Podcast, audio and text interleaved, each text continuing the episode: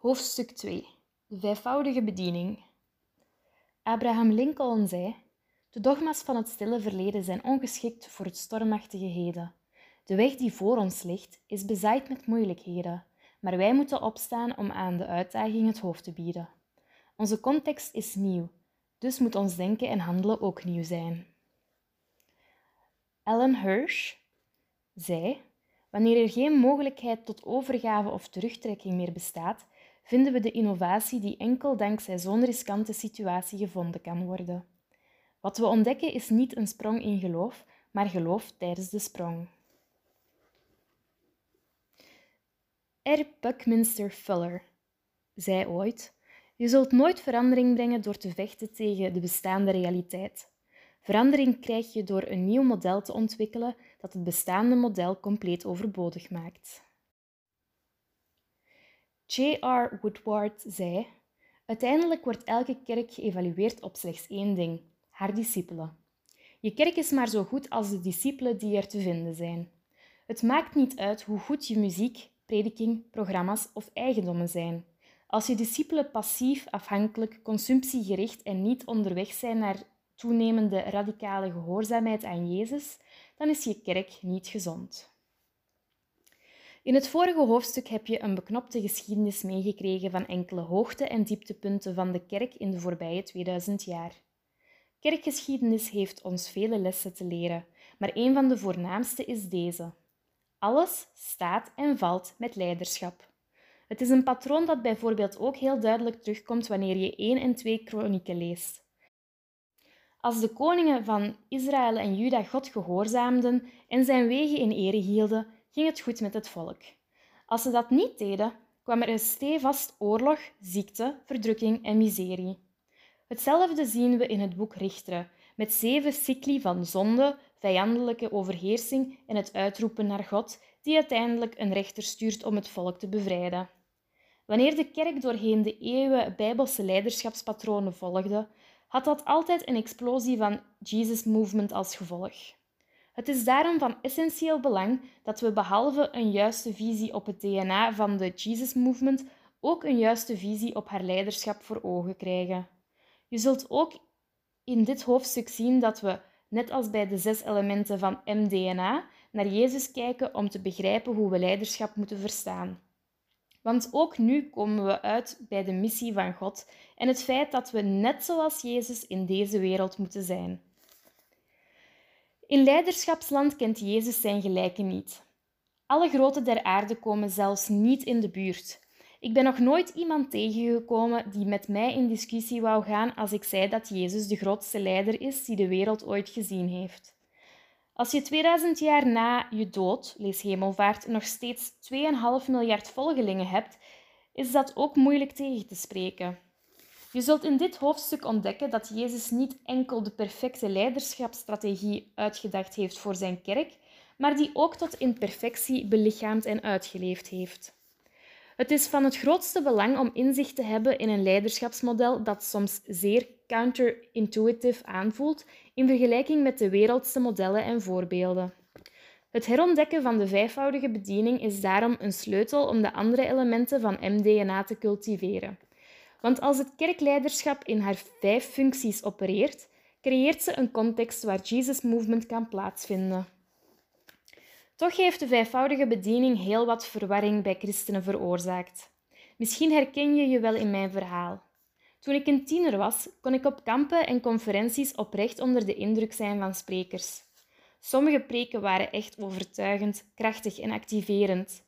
Maar tegelijkertijd was er een conflict in mijn hoofd. Zie je, spreker A had het bijvoorbeeld over het belang van evangelisatie. Hij zou als kerntekst voor zijn boodschap Lucas 19, vers 10 nemen en vervolgens zeggen dat de hele reden waarom Jezus gekomen was, het zoeken en redden van verloren mensen was. Als we niet dringend begonnen te evangeliseren, dan zouden we de bal serieus misslaan. En dus ging ik naar huis met het gevoel: wauw, ik ben echt een slechte christen. Ik evangeliseer bijna nooit en op school weet bijna niemand van mijn geloof. De volgende week echter kwam spreker B met een heel andere boodschap. Hij nam als basistekst bijvoorbeeld Matthäus 20, vers 28 en zei dat de hele reden waarom Jezus gekomen was, het dienen van armen, wezen en weduwen was. Als we als kerk niet dringend de minste van onze broeders zouden verzorgen, dan zouden we de bal serieus misslaan. Ook nu ging ik naar huis met een wrang gevoel, want ik deed helemaal niets voor de minste in de maatschappij. Op week 3 nam iemand als kerntekst 1 Johannes 3, vers 8 en zei dat de hele reden waarom Jezus gekomen was het vernietigen van de werken van de duivel was. Zijn betoog ging vervolgens over hoe we geestelijke oorlogsvoering moesten ondernemen om geestelijke bolwerken te vernietigen, door voorbeden en profetische woorden. Je raadt het al. Ook toen zou ik met een zwaar hart naar huis gaan, want mijn gebedsleven was niet meteen om over naar huis te schrijven.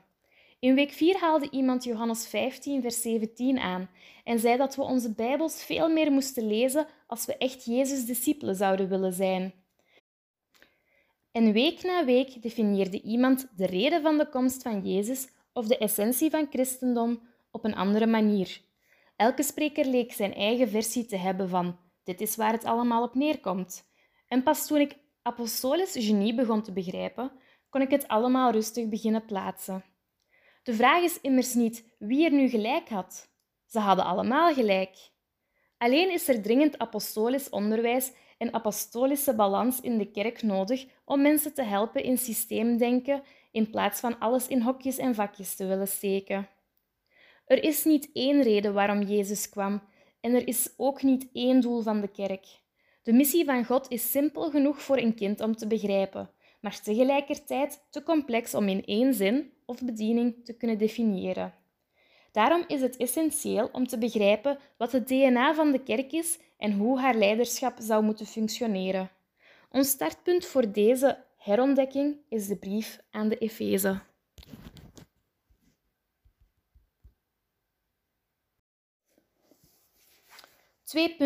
(2.1) Efeze, de grondwet van de kerk.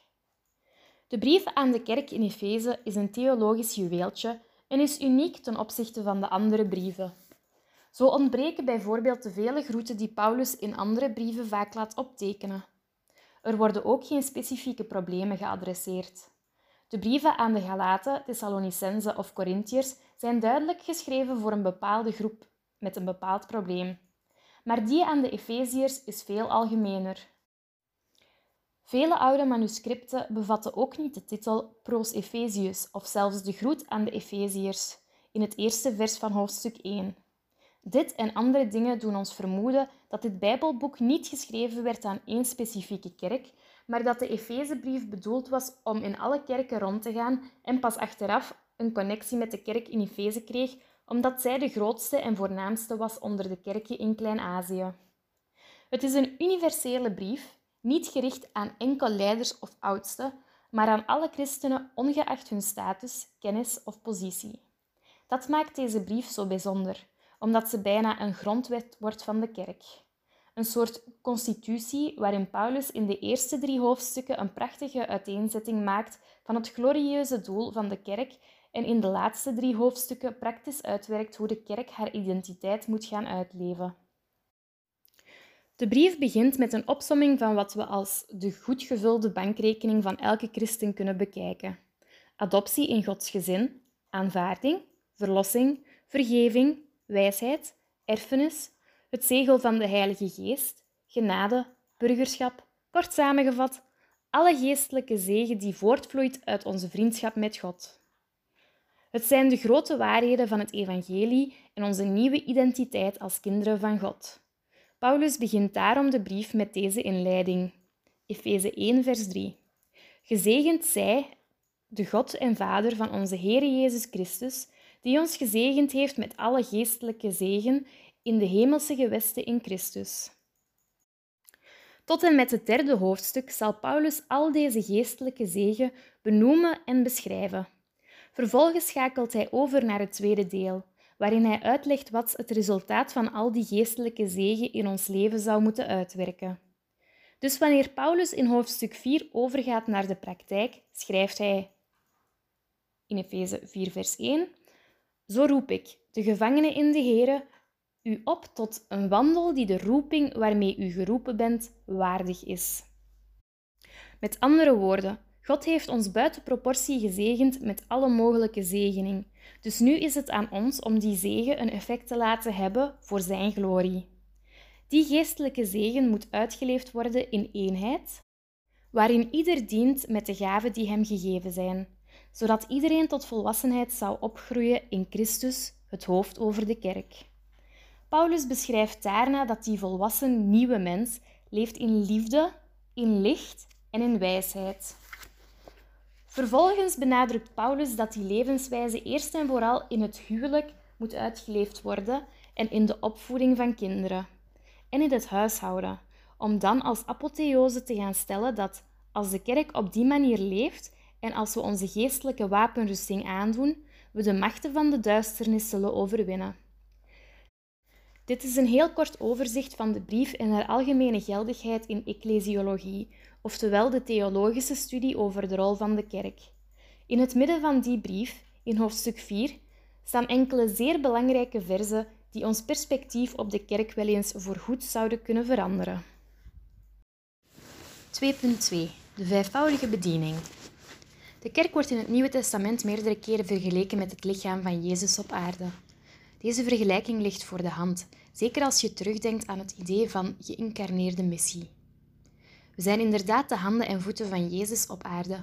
Paulus hamert daarom op het belang van eenheid. Hij somt zeven, hoe kan het ook anders, eenheden op. Efeze 4, vers 1 tot 6. Zo roep ik, de gevangenen in de Here, u op tot een wandel die de roeping waarmee u geroepen bent waardig is. In alle nederigheid en zachtmoedigheid met geduld door elkaar in liefde te verdragen en u te beijveren om de eenheid van de geest te bewaren door de band van de vrede. Eén lichaam en één geest, zoals u ook geroepen bent tot één hoop van uw roeping. Eén Heere, één geloof, één doop, één God en Vader van allen, die boven alle en door alle en in u allen is. Deze eenheid is cruciaal. Jezus bad in Johannes 17 zo'n drie maal voor eenheid onder zijn volgelingen. Aanvankelijk was dit ook zo. Lees maar eens Handelingen 1 vers 14, 2 vers 1, 2 vers 46, 4 vers 24, 4 vers 32 en 5 vers 12. En je zult zien wat ik bedoel. Eendracht maakt macht, is geen uit de lucht gegrepen gezegde. Wanneer de kerk in eenheid vooruitgaat, kan niets haar tegenhouden. De duivel weet dit ook en laat geen enkele gelegenheid onbenut om ons tegen elkaar op te zetten. Verdeel en heers is immers ook geen uit de lucht gegrepen gezegde. Vervolgens gaat Paulus de omgekeerde weg op en verschuift hij de focus van eenheid naar diversiteit in de kerk. Lees maar. Efeze 4, vers 1 tot 10. We lezen vers, versen 7 tot 10. Maar aan ieder van ons is de genade gegeven naar de maat van de gave van Christus. Daarom zegt hij: Toen hij opvoer in de hoogte, nam hij de gevangenis gevangen en gaf hij gaven aan de mensen. Wat betekent dit toen hij opvoer, anders dan ook dat hij ook eerst neergedaald is in de diepte, namelijk de aarde?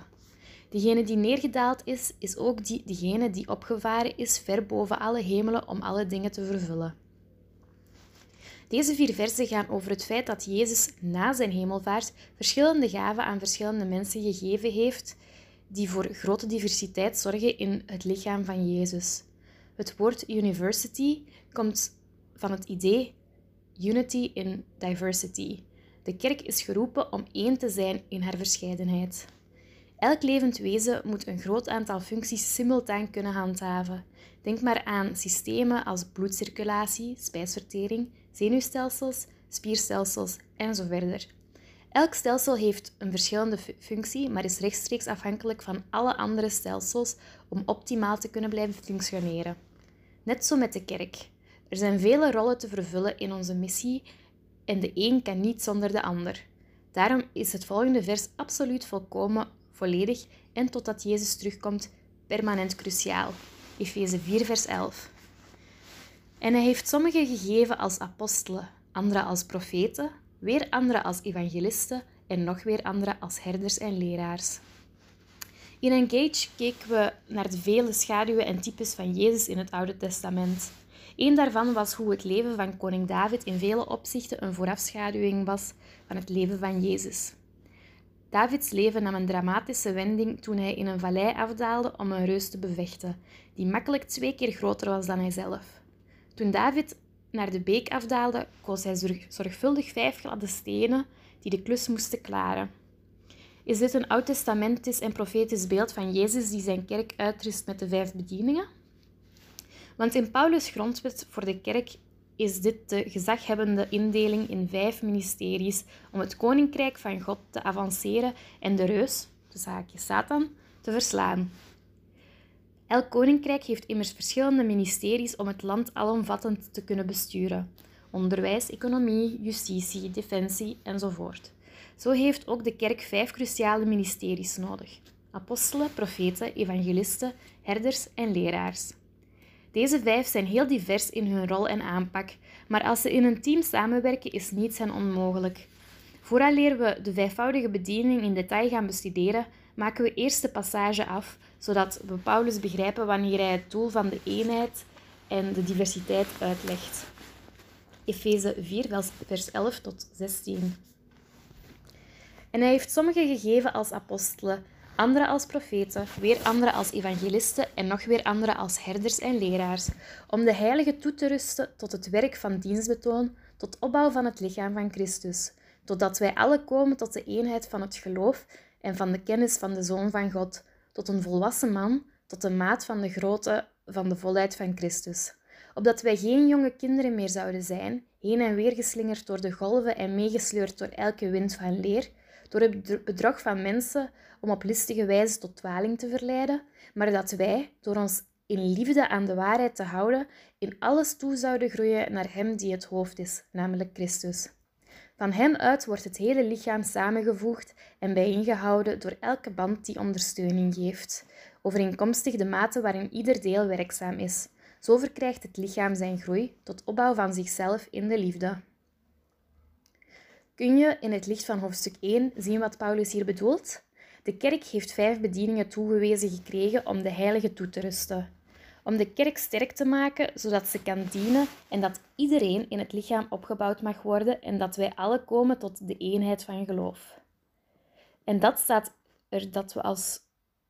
en dan staat er dat we tot volwassenheid zouden moeten groeien door toedoen van die vijf bedieningen, zodat we niet heen en weer geslingerd zouden worden door elke wind van leer. Paulus bedoelt hiermee dat als de diversiteit binnen de kerk in eenheid blijft, dat ze niet zal afwijken van wat Jezus onderwezen heeft. Laat ons aan de hand van deze passage al enkele tussentijdse conclusies maken. 1. De vijf gaven zijn voor de hele kerk. Het is niet enkel de 20% werkers in de traditionele kerk of de voorganger van de kerk die deze bedieningen mag uitoefenen. Ze zijn voor iedereen. 2. Ze zijn bedoeld om in eenheid samen te werken, die eenheid waar Jezus voor bad in Johannes 17 toen hij de Vader vroeg om zijn volgelingen te zegenen. Net zoals een lichaam zichzelf niet mag tegenwerken, mogen ook de bedieningen elkaar niet tegenwerken. Iemand kan beschikken over een perfect skelet, een gezond spierstelsel, een goede ademhaling en bloedsomloop, maar als hij geen zenuwstelsel heeft, kan hij geen vin verroeren, laat staan overleven. Op dezelfde manier hebben we elk stelsel nodig in de kerk. Als een van de vijf ontbreekt, dan vertaalt dat zich in een enorm gemis. 3. Als iedereen toegerust is en wanneer er eenheid is onder de vijf ministeries van de kerk, dan zullen we bestand zijn tegen dwaalleer en valse theologie. In de eerste drie eeuwen na Christus lukte dit nog, alhoewel er ook veel dwaalleer werd rondgebazuind. Maar op het moment dat de kerk haar eh, missionaire kracht verliest onder Constantijn, wordt ze het object van wat Paulus hier omschrijft. Heen en weer geslingerd door de golven en meegesleurd door elke wind van leer, door het bedrog van de mensen om op listige wijze tot dwaling te verleiden. Laat dat nu exact zijn wat er de voorbije 17 eeuwen gebeurd is. Van de dominantie van de katholieke kerk over de reformatie onder Luther en Calvijn tot de vele denominaties die sindsdien ontstaan zijn. Elke nieuwe wind van leer, elke nieuwe theologie heeft een splitsing in de kerk veroorzaakt. Die splitsingen waren helaas soms nodig en waren vaak het gevolg van God die zijn kerk wakker schudde. Maar als de kerk als Jesus Movement was blijven functioneren in haar Godgegeven leiderschap, was het misschien nooit zo ver gekomen. Als al die dwaalleer er niet gekomen was, dan waren al die hervormingen ook niet nodig geweest. Kort samengevat, Jezus heeft vijf gaven verdeeld onder alle leden van zijn kerk. Wanneer die ondanks hun diversiteit toch in eenheid kunnen samenwerken, dan is ze in staat om de heilige toe te rusten tot dienstbetoon. Dienstbetoon is de essentie van leiderschap. De vijfvoudige bediening is dus de manier om leiderschap te ontwikkelen. We kunnen zien hoe de vijfvoudige bediening, zoals alles wat God ooit gemaakt heeft, de capaciteit heeft om zichzelf te vermenigvuldigen. Discipelen die discipelen maken, leiders die anderen toerusten om leiderschap op te nemen. Het zijn twee kanten van dezelfde medaille.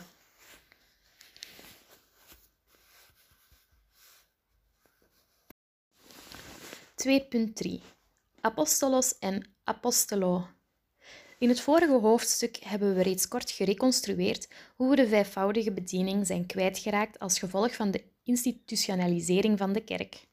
Apostelen, profeten en evangelisten maken samen de mobiele, pionierende kant van de kerk en die kant werd overbodig in een verchristelijk Europa. We zagen dat dit ook de reden was waarom de herder ons beeld van kerkleiderschap een stuk heeft gevangen gehouden. Ons kerkleiderschap bestaat, zeker in de Engelstalige wereld, uit allerlei soorten pastors. Maar dit strookt niet met het Nieuwe Testament, dat veel meer nadruk legt op de apolostische rol.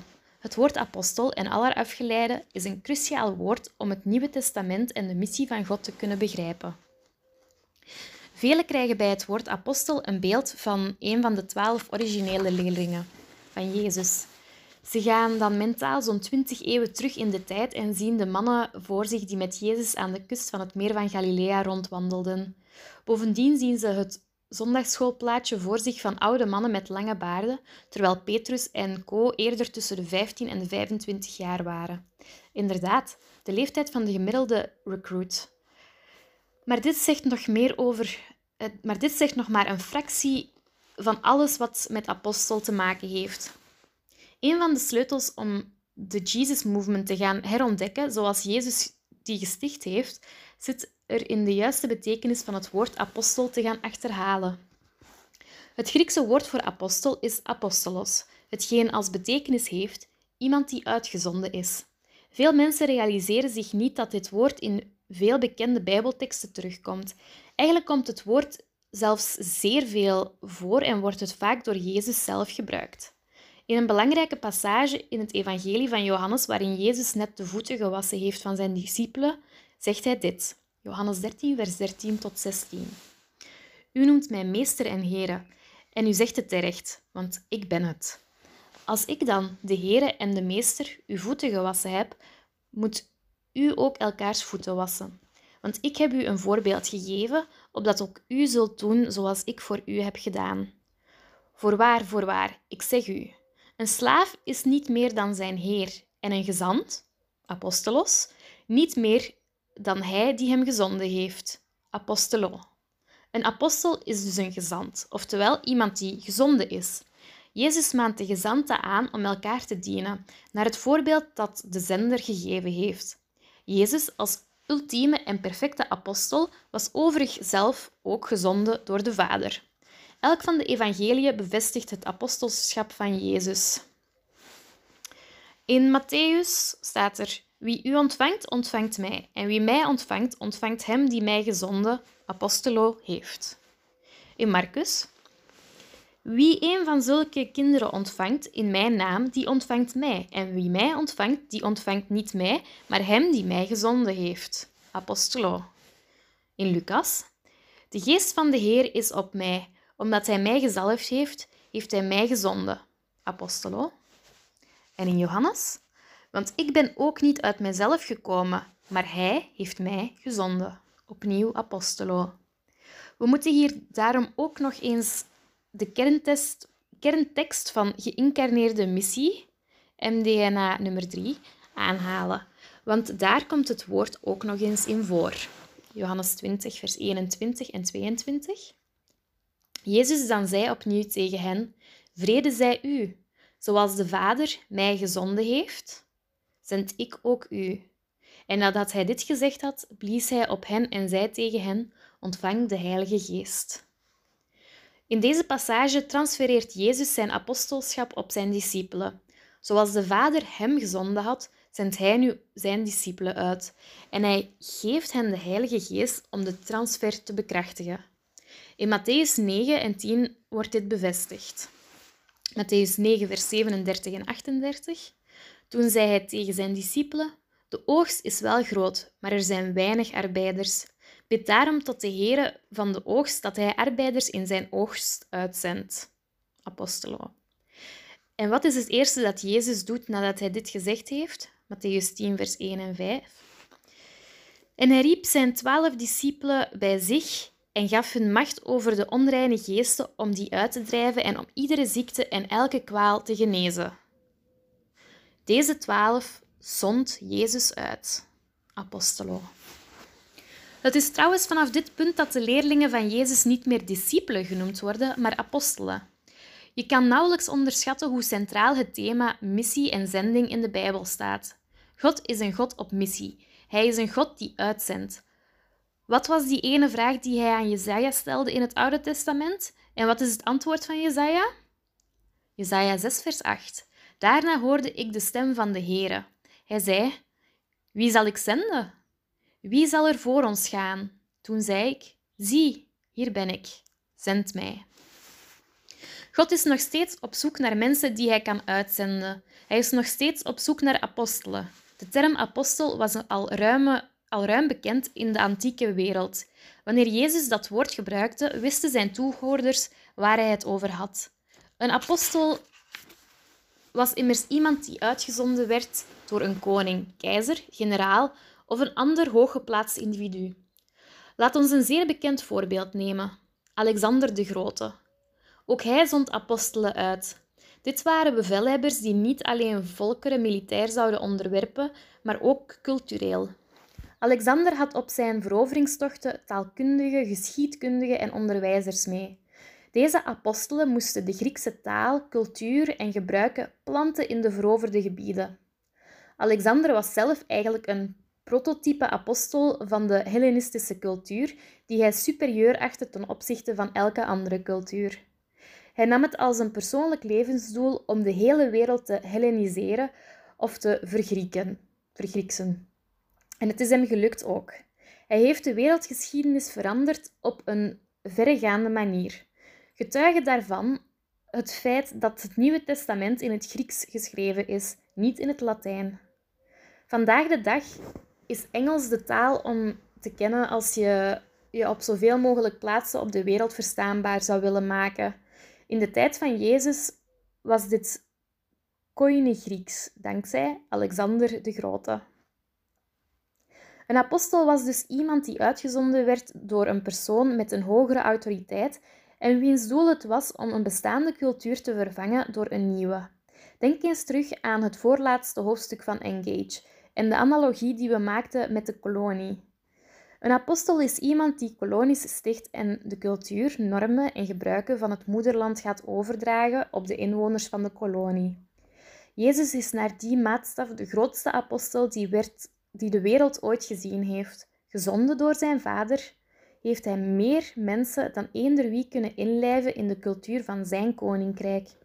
In het verlengde van zijn apostolische bediening moet een apostolische kerk zijn werk verder zetten.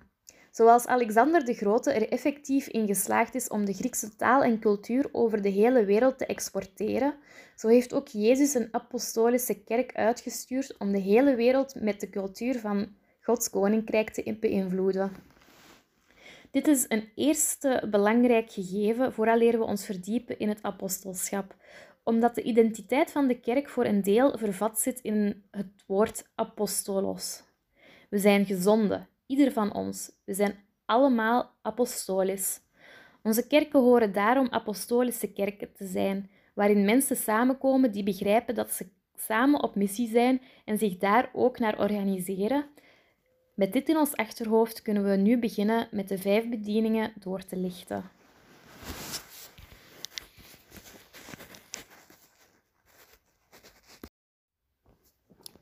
2.4 apostelen, profeten, evangelisten, herders en leraars. Ik ben niet per se een grote fan van de filmreeks Divergent, maar de openingsscène van de eerste film schetst een zeer krachtige, bijna profetische vergelijking met de vijfvoudige bediening. Het verhaal gaat dat na een verschrikkelijke wereldwijde oorlog slechts één community van mensen het overleefd heeft. De laatste overblijvers hadden in Chicago een nieuwe levenswijze gepioneerd door alle mensen in te delen in vijf factions. Iedereen die kennis, logica en feiten waardeerde, hoorde bij uh, erudite. Wie harmonie en natuur waardeerde, ging naar amity. Zij die eerlijkheid, integriteit en rechtspraak waardevol vonden, moesten naar candor. Wie zelfopoffering en zorg voor de armen belangrijk vond, werd ingedeeld bij abnegation. De fysieke sterke en avontuurlijke mensen werden bij Dauntless ingezet als politie en ordehandhaving. Je krijgt het beeld van een droommaatschappij voorgeschoteld waarbij iedereen kan functioneren in een faction die bij hem of haar past. De film neemt hierna een andere wending omdat er ook divergents zijn die eigenlijk in meerdere factions kunnen opereren en daarom een bedreiging voor de status quo lijken. Maar de vergelijking met de vijfvoudige bediening gaat voor een groot deel zeer goed op. Elk van ons heeft een design van God meegekregen en voelt zich het meeste thuis in één bepaalde faction. Het grootste verschil is dat tegelijkertijd ook elk van ons een beetje divergent is. Het is niet zo dat we iedereen in de kerk in hokjes en vakjes kunnen plaatsen, want daarvoor is de vijfvoudige bediening een te dynamisch gegeven. In het tweede deel van dit hoofdstuk zullen we daarom zo goed mogelijk de profielen schetsen van de vijf bedieningen. We proberen dit redelijk zwart op wit te doen, zodat het speelterrein iets of wat afgebakend is. De praktijk zal aantonen dat er soms overlap bestaat tussen bepaalde bedieningen, maar de uitzondering bevestigt de regel. Vooraleer we eraan beginnen, behandelen we nog enkele algemene dingen. 2.4.1 Wat met de andere geestelijke gaven?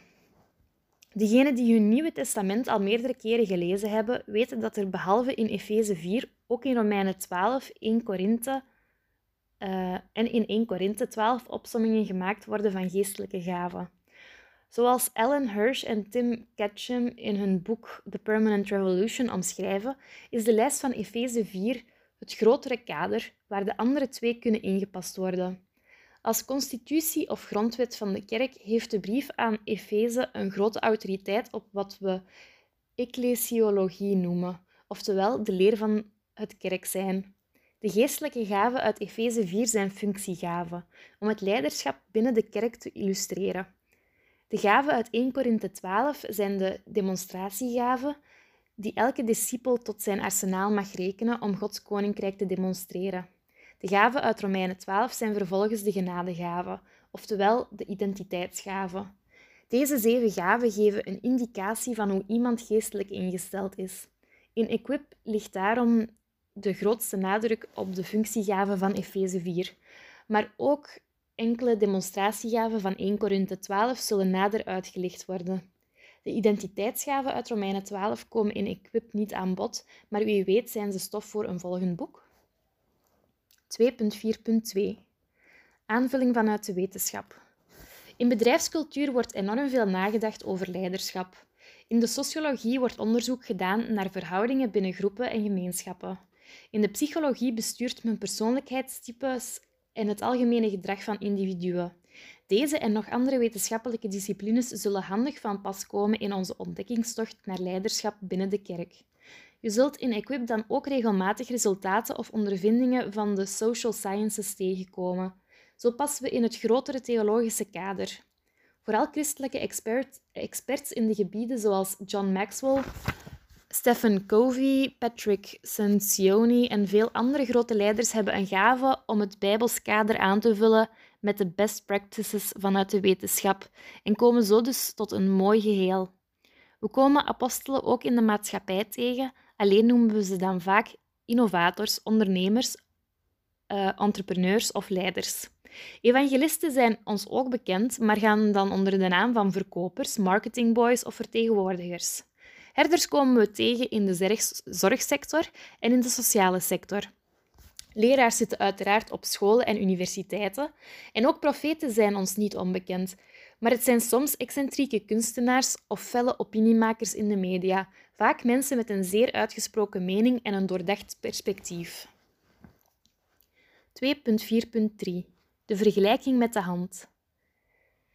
De bediening, de vijfvoudige bediening, wordt ook wel eens vergelijken met de vijf vingers van een hand. We kunnen deze metafoor goed gebruiken als introductie voor de vijfvoudige bediening. De apostel is de duim. Niet alleen heeft hij de meeste kracht, hij is ook de enige die met gemak alle andere vingers kan aanraken. Misschien ben jij leniger dan ik, maar ik kan niet zonder hulp mijn pink aanraken met mijn wijs- of middelvinger. Inderdaad, je hebt het geprobeerd. De apostel is de teambuilder en heeft connectie met alle andere bedieningen, krijgt input van hen en werkt met hen samen. De profeet is de wijsvinger. Hij wijst enerzijds naar God en anderzijds wijst hij zowel de goede als de slechte dingen in de kerk aan. De evangelist is de middelvinger, omdat hij het verste reikt. Hij is het verste punt van de hand en heeft doorgaans het meeste contact en feeling met de wereld. De herder is de ringvinger, omdat hij zijn loyaliteit en trouw naar de kudde toe niet kan verzaken. Als echte people person is hij een zorgende en betrokken persoon. De leraar is de pink. Hij zorgt voor stabiliteit en verfijnde theologie die helpt om een geloofsfundament te leggen, zodat mensen God kennen en zijn wegen begrijpen. 2.4.4 Het verschil tussen een gave en een bediening. Een zeer belangrijk punt om hier te maken is dat iedereen in principe in alle geestelijke gaven kan functioneren. Alle gaven van de geest zijn beschikbaar voor iedereen. Het is immers de Heilige Geest in ons die de gaven uitwerkt zoals Hij dat wilt. Als Hij jou aanspoort om te profeteren, is dat uiteraard fantastisch, maar dat maakt niet meteen en niet per se van jou een profeet. Ik zou op één dag onderwijs kunnen geven, evangeliseren en een mentorgesprek met iemand hebben, waarin ik ook nog een profetie doorgeef. Op dezelfde dag heb ik dus vier verschillende hoedjes opgezet: die van leraar, evangelist, herder en profeet. Dit wil niet zeggen dat ik zo net vier bedieningen van God heb gekregen. In de context van Efeze 4 zien we dat God de bediening geeft tot toerusting van de heiligen. We kunnen pas spreken van een bediening wanneer iemand leraar der leraars is of profeet der profeten. Wanneer iemand bijvoorbeeld in zijn gave van apostelschap andere apostelen begint toe te rusten. Als we dus iemand een prominente rol in Gods koninkrijk zien innemen, zoals bijvoorbeeld een goede spreker of een goede grote kerkleider, dan wil dat niet per se zeggen dat die persoon de bediening van leraar of de bediening van apostel heeft. Hij zal zeker de gave hebben, maar een bediening is nog iets anders. Wanneer zo'n persoon besluit om zijn impact te vermenigvuldigen door vijf andere mensen aan te leren wat hij weet en kan, dan pas spreken we van een bediening. Neem dit dus mee ook al zie je tijdens de volgende bladzijde dat gave of bediening soms wisselend gebruikt wordt. Het is perfect mogelijk dat mensen een combinatie hebben van verschillende gaven. Je hoeft niet per se beperkt te zijn tot één gave. God heeft in zijn veelkleurigheid iedereen de exact juiste combinatie gegeven van persoonlijkheid, gaven en vaardigheden. De kans is dan ook klein dat God van jou zal vragen om in een bediening te stappen die jou helemaal niet ligt. Hij heeft je een specifiek design meegegeven voor een specifieke taak. Het ontvangen van een bediening is vaak een organisch proces, zoals het groeien naar geestelijke volwassenheid. Laten we het voorbeeld nemen van iemand met een gave voor evangelisatie. Wanneer hij die gave begint uit te oefenen en te ontwikkelen en het blijkt dat er veel bekeerlingen de kerk binnenkomen door zijn inspanningen, moet en zal hij hier hopelijk erkenning voor krijgen van de oudste in die kerk. Vervolgens kan hij aangesteld worden om vanuit zijn ervaring andere evangelisten te beginnen trainen. Op dit punt kunnen we beginnen spreken dat iemand de bediening van evangelist heeft, wanneer hij andere mensen in de kerk begint toe te rusten voor evangelisatie. Wie goede vruchten draagt, wordt in het koninkrijk Gods gepromoveerd. Dus kort samengevat, je hebt elk van de vijf functiegaven tot je beschikking, alhoewel je meestal maar echt voeling hebt met één of twee. Maar het is pas als iemand anders, als je begint. Maar het is pas als iemand anderen begint te trainen in een bepaalde gave dat we zeggen dat die een bediening heeft. 2.4.5 Gezonde spanning tussen de vijf bedieningen. Een laatste punt dat hier gemaakt moet worden, is dat de vijf bedieningen vaak in spanning met elkaar leven. Deze spanning is positief, of zou dat moeten zijn, en noodzakelijk. De herder en de evangelist hebben bijna omgekeerde doelstellingen, maar moeten het grotere plaatje begrijpen en zichzelf inpassen in het grotere geheel. Die eerste probeert iedereen samen te krijgen, de tweede probeert iedereen op straat te krijgen. Is de een fout en de ander juist? Nee, het is ja en allebei. Alle vijf bedieningen zijn even hard nodig en geen enkele kan zich promoveren als de belangrijkste. Wanneer ze als een gebalanceerd team gaan samenwerken, is werkelijk niets voor hen onmogelijk. We bespreken van elke bediening de grootste focus, het grootste verlangen, de valkuilen, het grootste spanningsveld en vervolgens geven we bekende voorbeelden van elk van de vijf bedieningen. Ook nemen we in beschouwing welke elementen van movement DNA door welke bediening uitgewerkt worden. We nemen ze in dezelfde volgorde als Paulus ze opsomt in Efeze 4.11.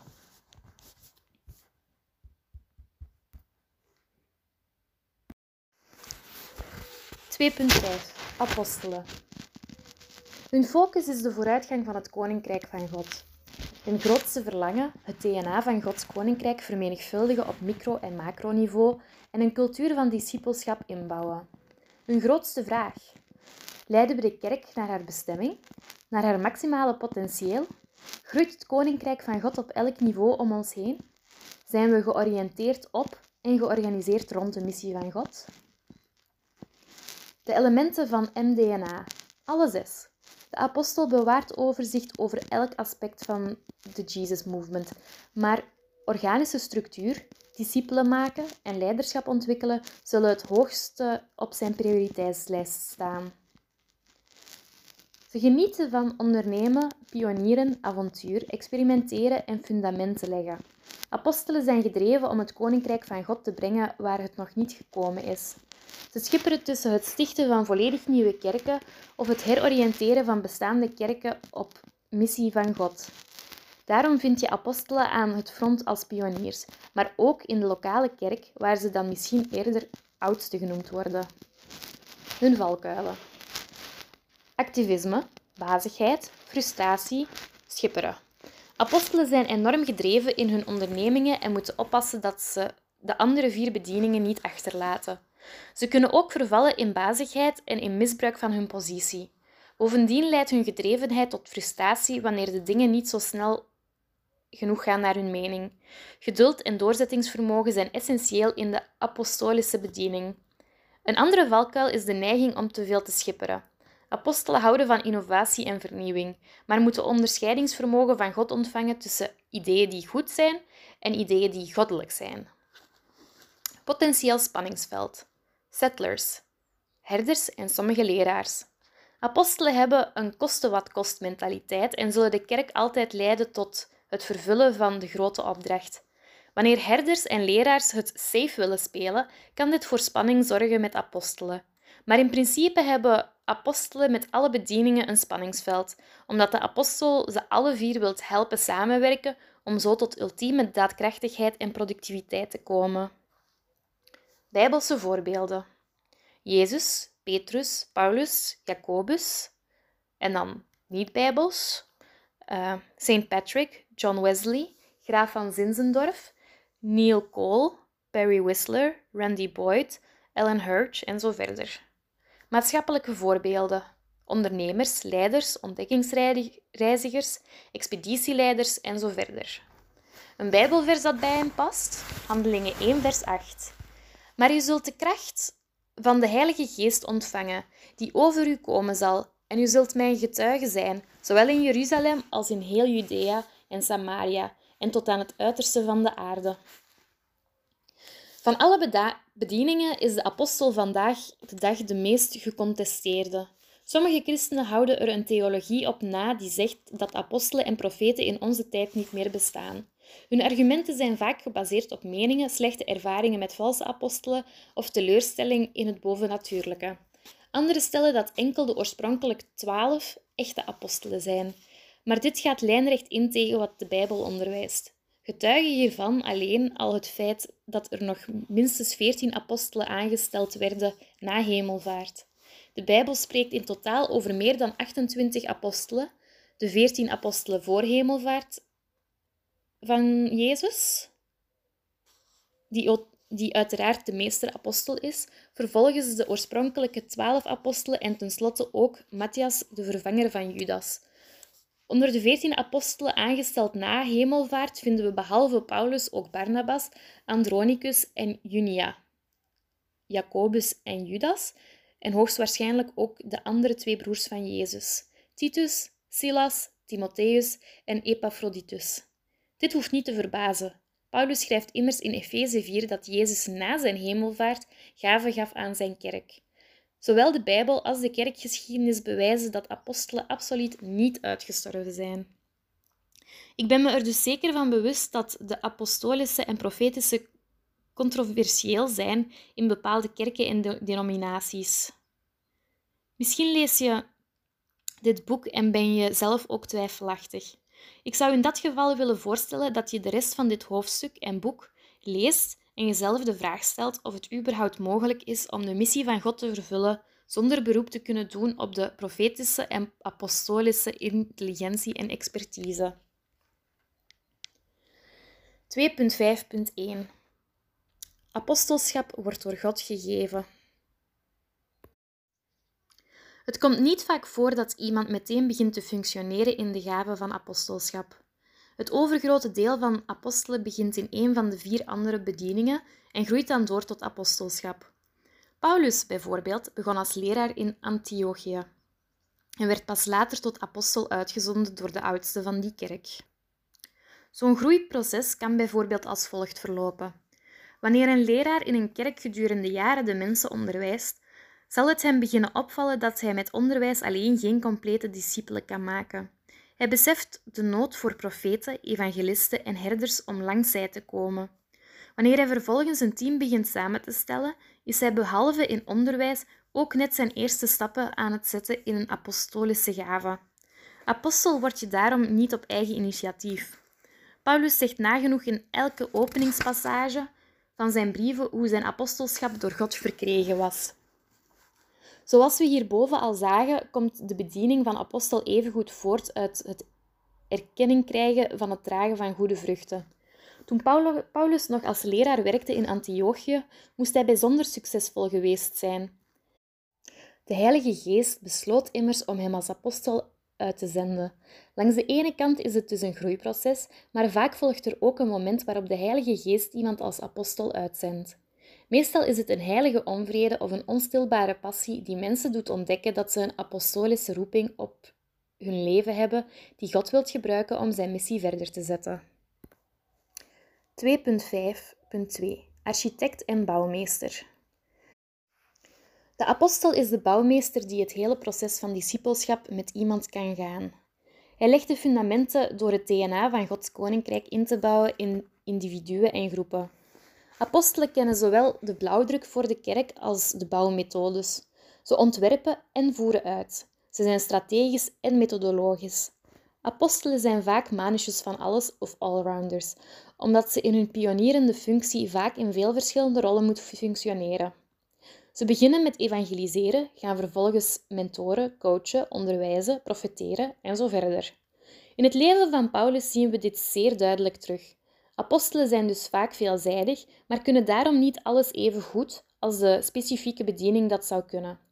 Ze kunnen onderwijzen, maar zijn daarom geen volleerde leraars.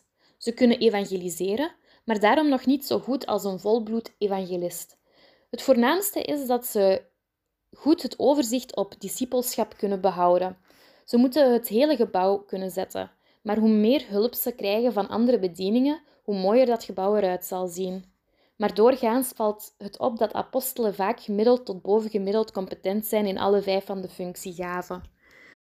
Ze zijn het meest van al divergent. 2.5.3 De eerste onder gelijken. De apostel is daarom de first among equals.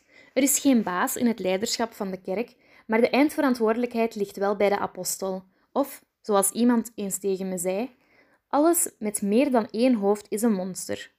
Als het erop aankomt en het team van oudste komt er echt niet uit, dan is het de apostel die de knoop moet doorhakken en zowel voor de positieve als negatieve gevolgen zal moeten instaan.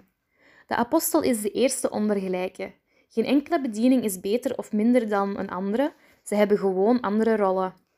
Maar het zijn architecten, aannemers die een bouwproject starten waarvoor ze vervolgens metsers, loodgieters, elektriciëns en schrijnwerkers nodig hebben. In die zin zijn de apostelen degenen die eindverantwoordelijkheid opnemen en het team aansturen. Een van zijn grootste taken is daarom het spanningsveld in de vijfvoudige bediening om te buigen tot een positieve synergie tussen alle leden van het team. Dat laatste is niet evident.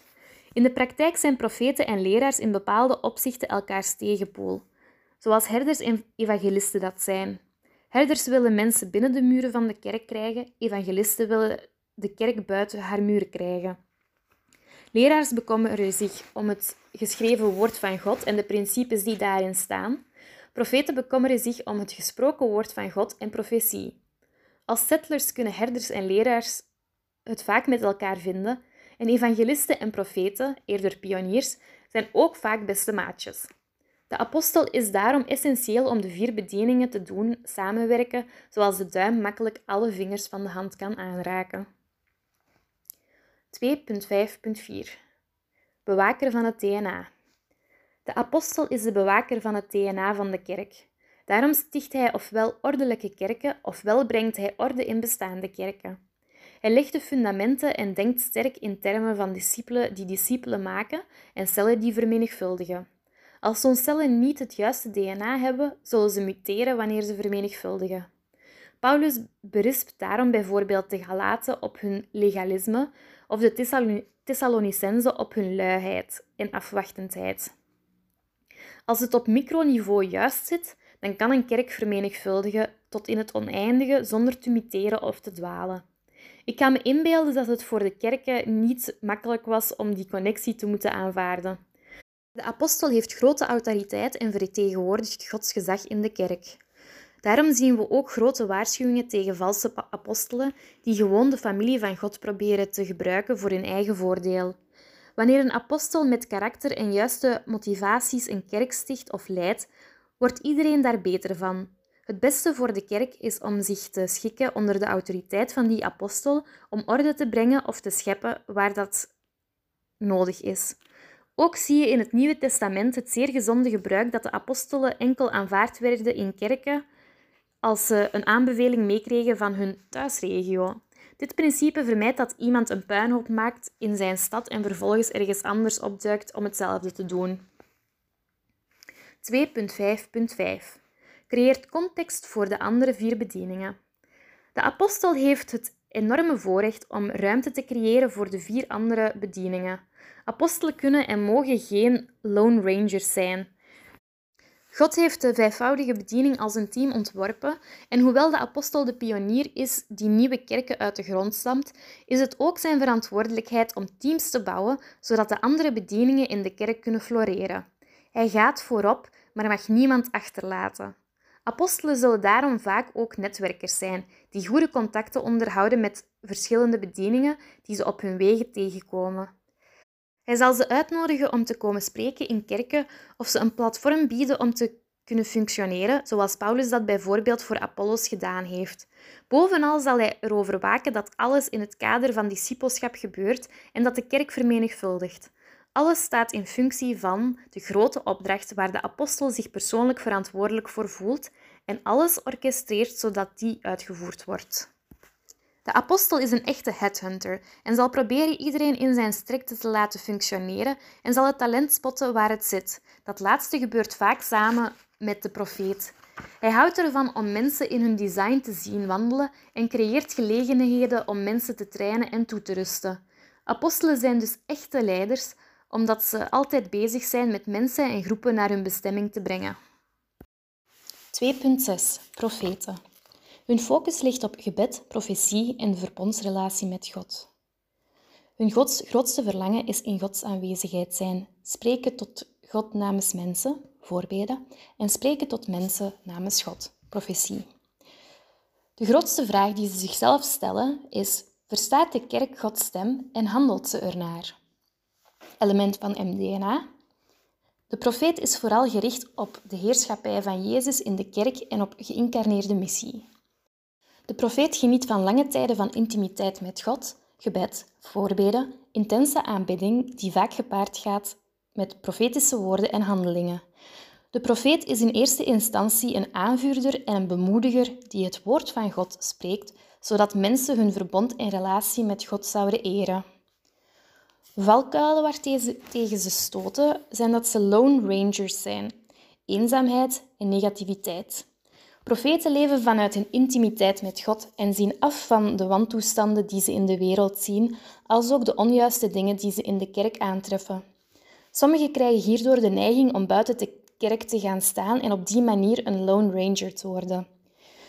Ze hebben het zeer moeilijk als er niet geluisterd wordt naar het woord van God en nemen daarom afstand. Een andere valkuil is dat ze pessimistisch worden en zich negatief gaan opstellen. Vanuit hun profetische opmerkzaamheid kunnen en mogen ze de fouten en onrechtvaardigheid aantonen, maar dit mag niet doorslaan in negativiteit over de kerk en over mensen. Een bijkomende valkuil is dat profeten te vaak de interpretatie van hun openbaring willen geven, terwijl ze die laatste horen toe te vertrouwen aan de kerk zonder interpretatie. De bijbelse volgorde van profetie is, zoals we zo meteen zullen zien, van openbaring naar interpretatie naar toepassing. Die volgorde is belangrijk en een onvolwassen profeet zal van openbaring naar toepassing willen springen, terwijl zijn taak het ontvangen en doorgeven van de openbaring is. De rest van de bedieningen moeten mee onderscheiden wat de interpretatie en de toepassing van de openbaring is. Ze hebben een potentieel spanningsveld met leraars. Waar profeten soms zweverig kunnen zijn, zijn leraars soms droog.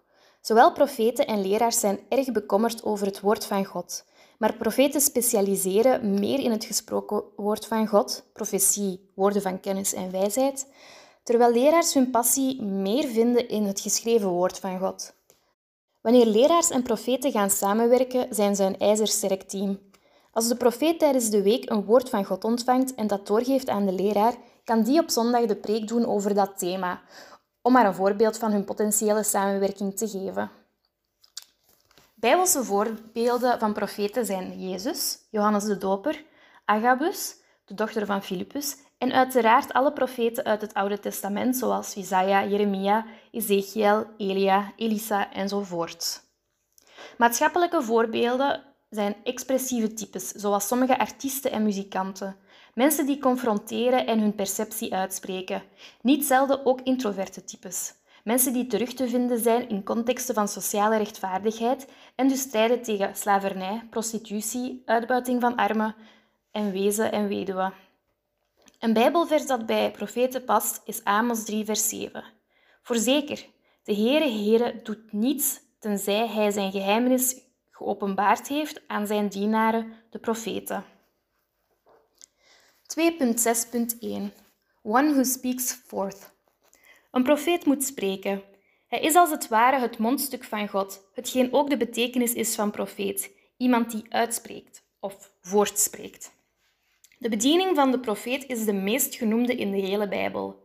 Waar apostelen pas in het Nieuwe Testament in het leven geroepen worden, waren profeten al sinds het begin der tijden aanwezig. Abel was de eerste, zie Matthäus 23, vers 25.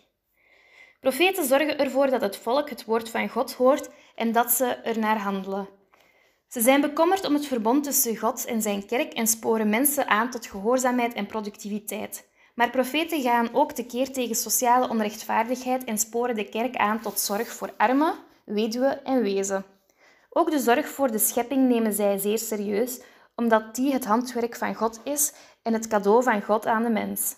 Profeten communiceren in die zin het hart van God voor zijn kerk en voor de wereld en hebben het soms niet makkelijk om goed om te gaan met het verschil tussen de zaligheden die zij in Gods aanwezigheid ervaren enerzijds en de pijn, miserie en lijden die ze in de wereld zien anderzijds. 2.6.2 Gods wil bekendmaken. De profeet is geroepen om in Gods tegenwoordigheid te staan en Gods woorden te horen ten voordele van anderen. Een absolute kerntekst staat geschreven in het boek van Amos. Amos 3, vers 7. Voorzeker, de Heere Heere doet niets tenzij hij zijn geheimenis heeft geopenbaard aan zijn dienaren, de profeten. Het verloop van zowel het Nieuwe als het Oude Testament bevestigt bovenstaand vers. God kondigt altijd op voorhand aan wat hij gaat doen en hij doet dit door een man in zijn aanwezigheid te brengen, hem toe te spreken en vervolgens uit te sturen om dat specifieke woord te gaan bekendmaken. Leraars doen er goed aan om zich te herinneren dat Gods geschreven woord altijd eerst zijn gesproken woord was. Het overgrote deel van het Oude Testament komt tot ons dankzij de profeten. De meest voorkomende eigenschap van een profeet, zowel in het Oude als in het Nieuwe Testament, is dat het iemand is die in Gods aanwezigheid is om een specifiek, nieuw en vaak ook directief of richtgevend woord te geven. De profeet maakt Gods plannen bekend en in het Oude Testament was dat uiteraard het reddingsplan van God om Jezus in de wereld te brengen. In Openbaring staat, hoofdstuk 19, vers 10, het getuigenis van Jezus is namelijk de geest van de profetie. De profetieën, beelden, schaduwen en types die we bestudeerd hebben in Engage vormen het ultieme bewijs van dit vers, aangezien zij allemaal het getuigenis van Jezus ten dele bevatten. Maar ook in het Nieuwe Testament kan en moet profetie nog steeds het getuigenis van Jezus zijn, zowel van wat hij doet of spreekt voor de kerk, als wat hij doet of spreekt in individuele levens. Het gebeurt dus niet zelden dat de Heilige Geest aan de profeet laat zien wat Jezus wil is in de kerk of in iemands leven. Zie ook Johannes 16, vers 14 en 15. 2.6.3 A man with a message. Als de apostel a man on a mission is, dan is de profeet a man with a message. Een profeet heeft niet zomaar een boodschap, maar is vaak ook de boodschap. Denk maar aan Ezekiel, die 430 dagen op zijn zij moest gaan liggen. Ezekiel 4. Of Hosea, die een prostituee moest huwen. Of in het Nieuwe Testament Agabus, die Paulus handen boeide met zijn eigen riem om een woord van God te communiceren. Handelingen 21, vers 10. De profeet kan en moet daarom soms een symbolische handeling uitvoeren omdat God wil illustreren wat hij wil zeggen. Dit kan vreemd overkomen op de kerk en de profeet wordt dan door sommigen misschien als zweverig bekeken. Maar het is zonder twijfel een Bijbels principe. De profeet is, net als de leraar, iemand die voorleeft en uitvoert wat God zegt. Hij is ook niet bang om iemand voor de borst te stoten en gaat de confrontatie niet uit de weg. Hij is ten dele ook een kwaliteitsbewaker in de kerk. De profeet zal de eerste zijn om op te merken wat er niet goed gaat, omdat hij diep bezorgd is om de heiligheid in de kerk. Profeten kunnen soms overkomen als hard of ongevoelig, maar dat komt omdat ze enkel en alleen bezig zijn met God te plezieren en te behagen. Als mensen op hun tenen getrapt zijn als gevolg van wat ze zeggen, dan nemen ze dat erbij. Wat God zegt, dat spreekt Hij, ongeacht de gevolgen. Zijn relatie met God en het voorrecht om in zijn aanwezigheid te komen, zal de profeet voor niets of niemand op het spel willen zetten. Als God tevreden is, maakt het de profeet niet uit wie ontevreden is. Als God ontevreden is, maakt het niet uit wie er wel tevreden is. Dit geeft hem natuurlijk geen vrijbrief om te doen en te zeggen wat hij wilt, maar een volwassen profeet zal zijn boodschap niet afzwakken, noch overdrijven om mensen te plezieren. Daarom is hij ook heel voorzichtig met zijn eigen uitleg te geven aan een openbaring die hij van God heeft ontvangen. Doorgaans is het aan het leiderschap in de kerk om de interpretatie van de openbaring te zoeken en aan de apostel om de toepassing ervan in actie om te zetten, als het om een profetisch woord voor de kerk gaat. 2.6.4 Bemoedigers en critici. Een profeet heeft dus geen toestemming om zomaar te bekritiseren. Zijn profetische bediening zal hem aansporen tot bemoediging en positieve bevestiging langs de ene kant en constructieve kritiek langs de andere kant. Een profeet is geen zwartkijker die enkel problemen aanstipt, maar iemand die communiceert wat God als oplossing voor dat probleem wilt aanreiken. Profeten kunnen echte energizers zijn, die profetische woorden, beelden en bemoedigingen krijgen voor hun medestrijders in de kerk. Profeten zullen van nature altijd enige afstand bewaren tot de andere bedieningen, omdat ze hun oordeel niet willen vertroebelen. Ze willen objectief kunnen blijven kijken en ze zullen altijd oplettend zijn dat ze nooit hun eigen mening verkondigen als profetisch woord. Daarom houden ze een bepaalde afstand van het geheel. Die afstand is niet slecht, zolang we hem in centimeters en niet kilometers kunnen uitdrukken. De profeet is iemand die een audit kan doen van de geestelijke gezondheid van de kerk. Daarom is hij, samen met de apostel, het fundament waarop de kerk gebouwd is. Efeze 2, vers 20. Juiste doctrine hebben is maar één kant van de medaille. Elk van ons heeft op tijd en stond een vers woord nodig van God. God geeft massa's principes mee in de Bijbel, zodat we weten hoe we moeten leven. Maar de Bijbel vertelt ons niet naar welke kerk je moet gaan, welke job je moet doen, welke studiekeuze je moet maken, waar je moet gaan wonen, met wie je moet trouwen enzovoort. In al die situaties en moeilijke keuzes wilt God tot ons spreken en ons leiden. Niet zelden zal Hij dit doen door een profetisch woord. Daarom hebben profeten een aangescherpte geestelijke intuïtie. Een van de functies van de geest, zie hoofdstuk 5 in Establish. Ze willen zo goed mogelijk de leiding van de Heilige Geest kunnen oppikken en communiceren. 2.6.5 Valse profeten. Jeremia 23, vers 16 en 17. De apostel zal altijd willen samenwerken met de profeet, omdat hij vanuit zijn bijzondere connectie met God kan helpen om richting te geven aan de kerk. Je zou misschien kunnen stellen dat de apostel de uitvoerende macht is, de profeet de rechterlijke macht is.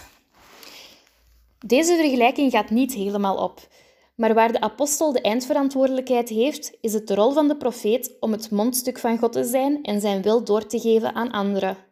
De profetische bediening is zo belangrijk in de kerk dat de Bijbel ons regelmatig waarschuwt voor valse profeten. Profetische inspraak in de kerk moet altijd puur zijn, vanuit juiste motieven om God te dienen en niet om te controleren of te manipuleren. Profeten in het Nieuwe Testament komen daarom bijna altijd voor in groep. Voorbeeld Handelingen 11, vers 27.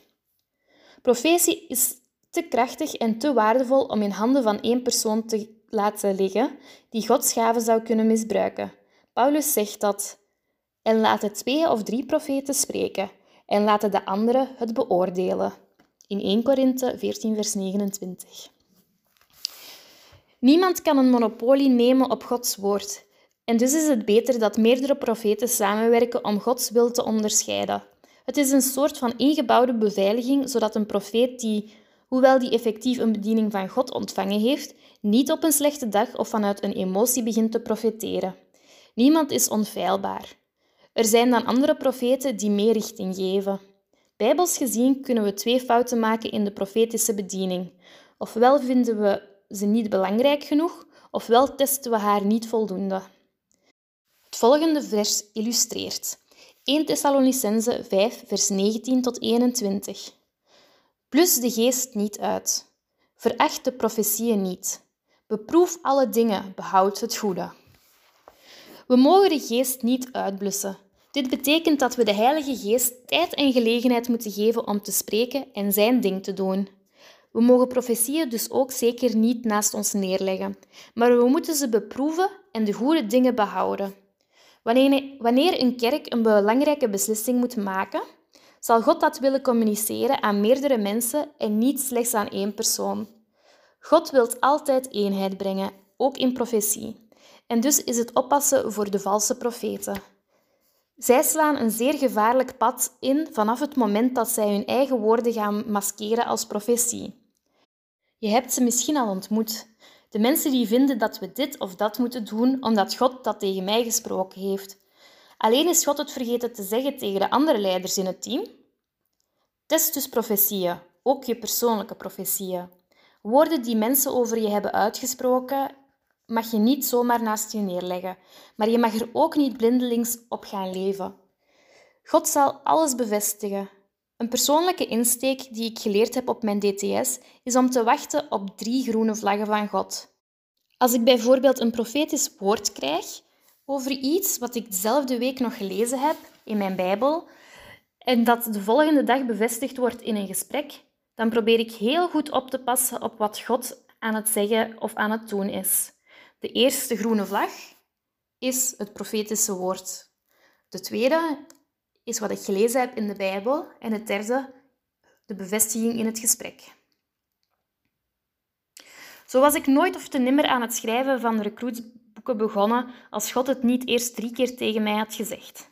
Test dus alles en behoud het goede. Als je in geloof leeft, houdt dat in dat je risico's mag nemen met God. Maar mijn ervaring is dat God jou de grote beslissingen in je leven niet op één dag laat maken. Hij kondigt aan, spreekt en bevestigt. 2.7 Evangelisten. Hun focus ligt um, bij het goede nieuws brengen in de wereld. Hun grootste verlangen is dat de kerken explosief groeien en dat verloren mensen zich bekeren en het koninkrijk van God binnengaan. Evangelisten zijn de grote recruiters voor, de, voor het koninkrijk. Hun grootste vraag: komen nieuwe mensen het koninkrijk van God binnen? Element van MDNA, geïncarneerde missie, is waar de evangelist voor leeft. Alles staat in het teken van mensen te ontmoeten waar ze zijn, om hen vervolgens aan Jezus te introduceren. Ook hebben ze vaak een groot aandeel in organische structuur, vanwege de grote sociale netwerken die ze aanboren. De evangelist geniet van nieuwe contacten, avontuur, wonderen, netwerken uitbouwen en vooral het delen van het evangelie met anderen, zowel in woord als daad. Hun valkuilen zijn activisme en oppervlakkigheid. Evangelisten kunnen zichzelf verliezen in hun passie en activisten worden. Ook moeten ze oppassen dat ze niet zoals marketingboys aan een product verkopen, maar dat ze bekeerlingen begeleiden tot bij de andere vier bedieningen, zodat ze tot discipelen gemaakt kunnen worden. Massa-evangelisatie heeft zeker zijn waarde, maar ook de evangelist moet inzien en begrijpen dat hij beter één persoon per maand doorheen een grondig proces kan helpen, dan dat hij 50 mensen op een dag heel kortstondig gezien heeft, die hij onmogelijk kan opvolgen. In het verleden hebben evangelisten soms de fout gemaakt om mensen een gebed te doen herhalen, zodat ze gered zouden zijn. Maar achter deze methode zit soms wat humanistische invloed. Redding is niet een te verkopen product, omdat de uiteindelijke vraag niet is of iemand naar de hemel wil gaan of uit de hel wil blijven, maar of die persoon bereid is om Gods koninkrijk binnen te stappen met alle gevolgen van dien. De hele seeker-friendly movement, waarin kerkdiensten volledig afgesteld worden op ongelovige mensen, zijn soms het gevolg van deze te evangelistische mentaliteit. Ze houden het zo oppervlakkig en laagdrempelig mogelijk, zodat er zoveel mogelijk mensen naar de kerk zouden komen. Maar na enkele jaren blijkt dat de diepte van discipelschap ook oppervlakkig blijft. Evangelisten hebben een potentieel spanningsveld met herders. Evangelisten proberen mensen buiten de vier muren van de kerk te krijgen om de verlorenen te bereiken. Herders proberen de verlorenen binnen de vier muren van de kerk of huiskamer te krijgen.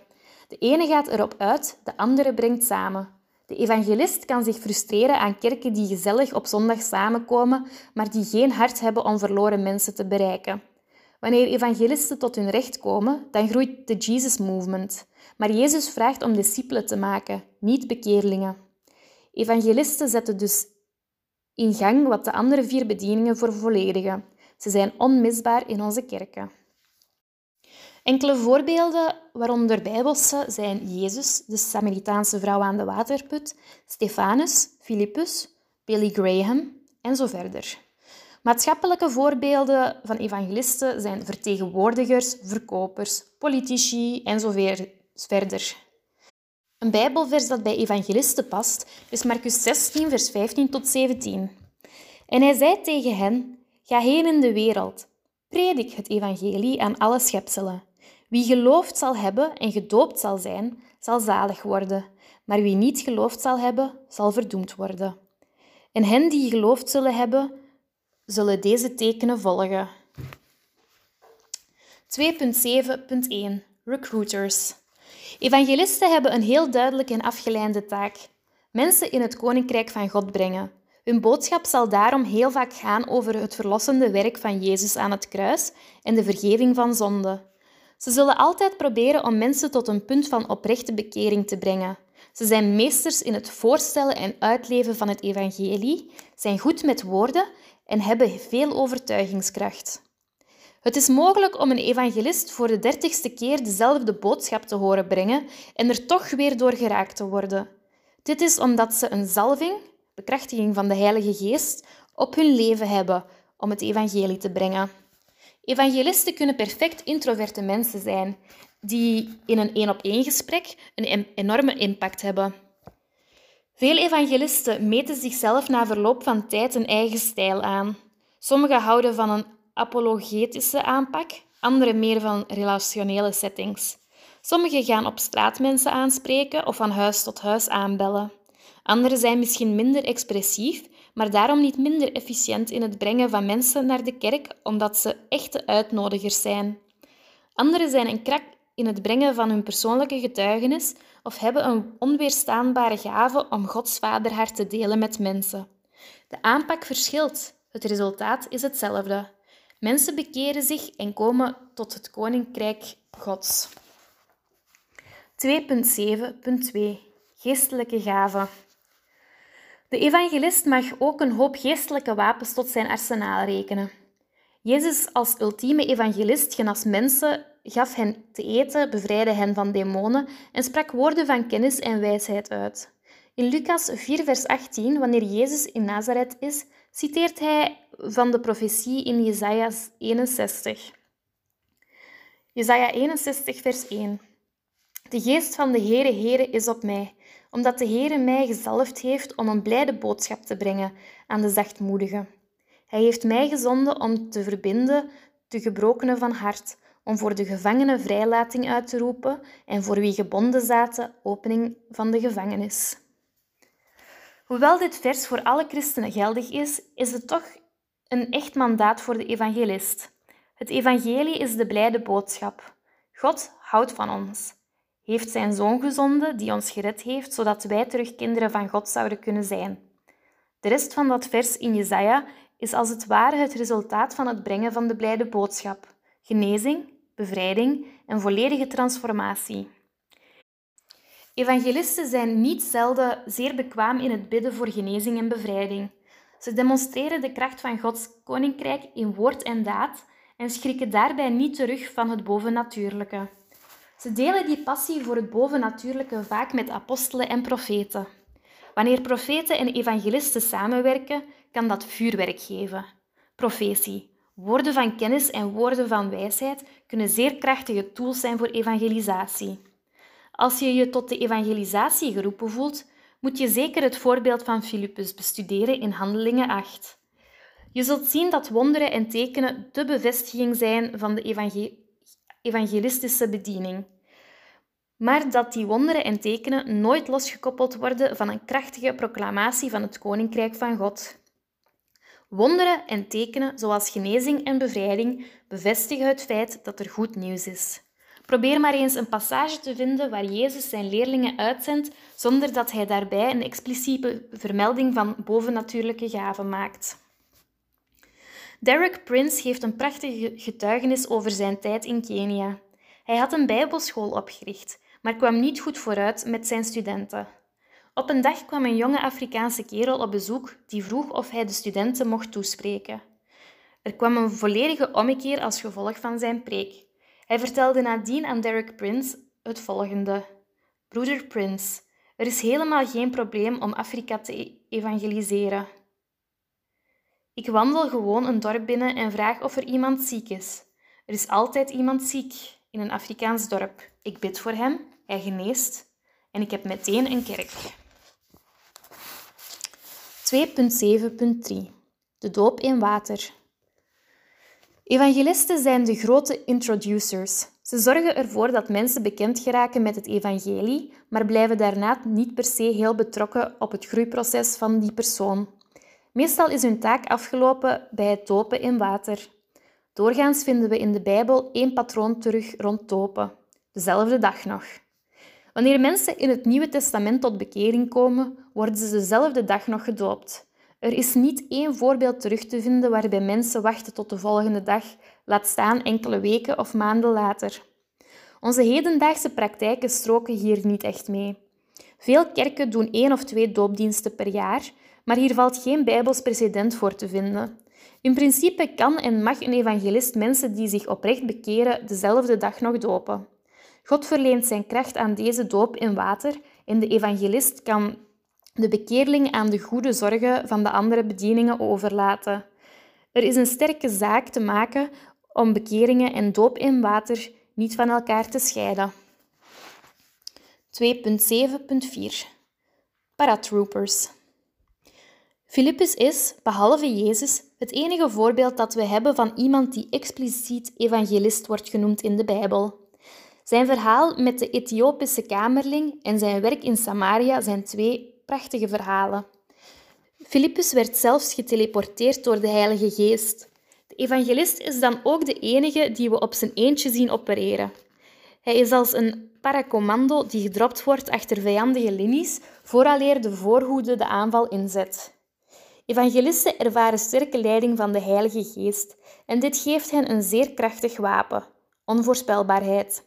Hij is in beweging, hij is onderweg, hij neemt elke kans die hij krijgt en elke open deur die hij krijgt voor het evangelie gaat hij binnen. Evangelisten dwingen Satan om defensief te spelen. Een kerk zonder evangelisten is voorspelbaar omdat er enkel iets op zondagochtend gebeurt en misschien één of twee avonden per week. Evangelisten zijn aanvallers en vormen een gigantische frustratie voor de vijand.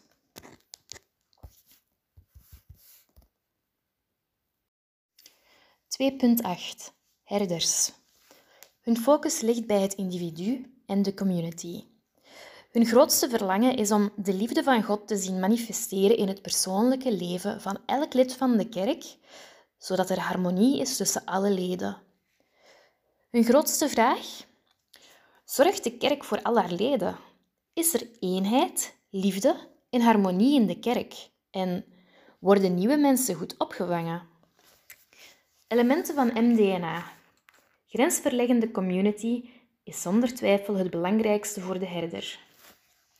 De herder geniet van vriendschap, liefde, vriendelijkheid, zachtmoedigheid, vrede en harmonie in het leven van de Jesus Movement. De valkuilen voor herders is dat ze soms te inward-focused zijn, waardoor de missie van de kerk verloren kan gaan. Ze zullen ver gaan om de harmonie te behouden, hetgeen nodig en goed is, maar gaan soms te ver door bijvoorbeeld conflict uit de weg te gaan en compromissen te sluiten. Herders kunnen verdrietig en ontmoedigd zijn wanneer ze mensen weg zien gaan, zowel vanwege goede of niet zo goede redenen. Zij hebben een potentieel spanningsveld met de apostel en de evangelist. Herders zijn de ultieme settlers en willen het maximale potentieel bereikt zien worden in de lokale kerk. Apostelen zijn pioniers die alle middelen zouden opvorderen zodat het koninkrijk van God nieuwe grond zou innemen. Het kan voor herders moeilijk zijn om hun beste mensen te zien vertrekken op missie of het starten van nieuwe kerken. Dit spreekt zeker niet tegen dat herders ook apostolisch kunnen zijn, maar hun valkuil is om te veel op het lokale gericht te zijn en het overzicht van de universele missie van de kerk uit het oog te verliezen, zoals de geschiedenis bewezen heeft. Bijbelse voorbeelden zijn Jezus, Johannes, Mozes, David die zijn schapen voor de leeuwen en beren beschermt, Barnabas en zo verder. Maatschappelijke voorbeelden zijn verplegers, sociaalwerkers, zorgverleners, coaches, mentors, counselors enzovoort. Een Bijbelvers dat bij herders past is Johannes 13, vers 34 en 35. Een nieuw gebod geef ik u, namelijk dat u elkaar lief hebt, zoals ik u lief gehad heb. Moet u ook elkaar lief hebben. Hierdoor, hierdoor zullen alle inzien dat u mijn discipelen bent, als u liefde onder elkaar hebt. 2.8.1 Herders komen in veel vormen voor. Terwijl apostelen, profeten en evangelisten voor, vooruitstromen en kunnen komen en gaan of rondreizen, zijn herders de rots in de branding voor de lokale kerk. Als alle leiders mobiel zouden zijn, dan zou er geen standvastigheid zijn. Gods design voor de kerk zorgt evenveel voor de uiterste der aarde als voor het kleine dorp en de stad. Herders zijn daarom de lijm die een community bijeenhoudt. Ze investeren in individuen, families en groepen zodat ze zouden floreren. Ze zijn vaak hoogrelationeel en komen tot hun recht in sociale settings, maar ook in één-op-één gesprekken. Herders kunnen zowel intro als extravert zijn.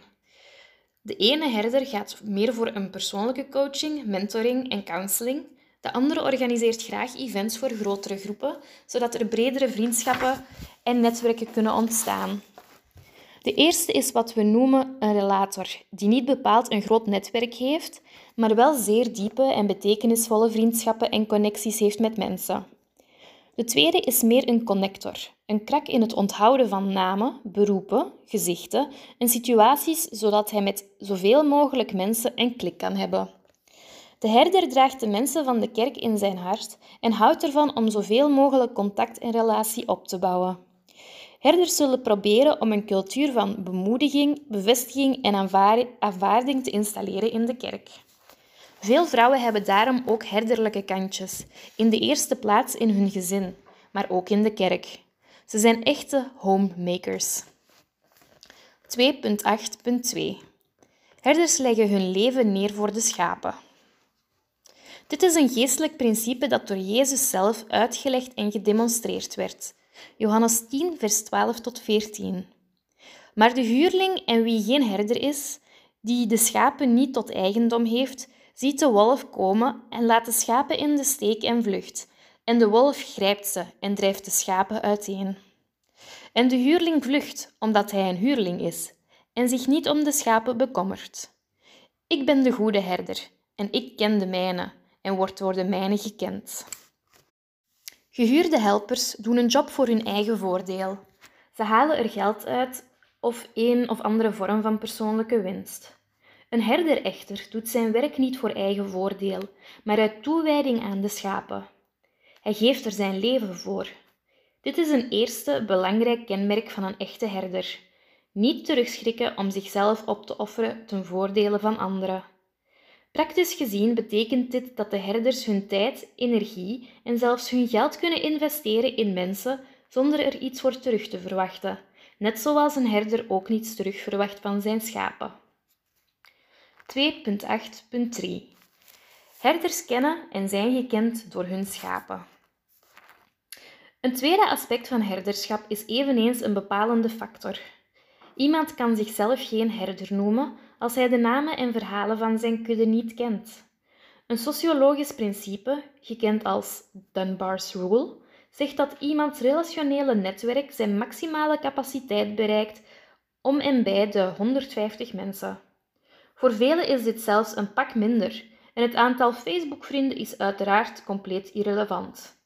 Als je nagaat met hoeveel mensen je echt vriendschap hebt, zonder onderscheid te maken tussen familie en vrienden, zou je een grote uitzondering zijn als je boven de 120 tot 150 mensen uitkomt.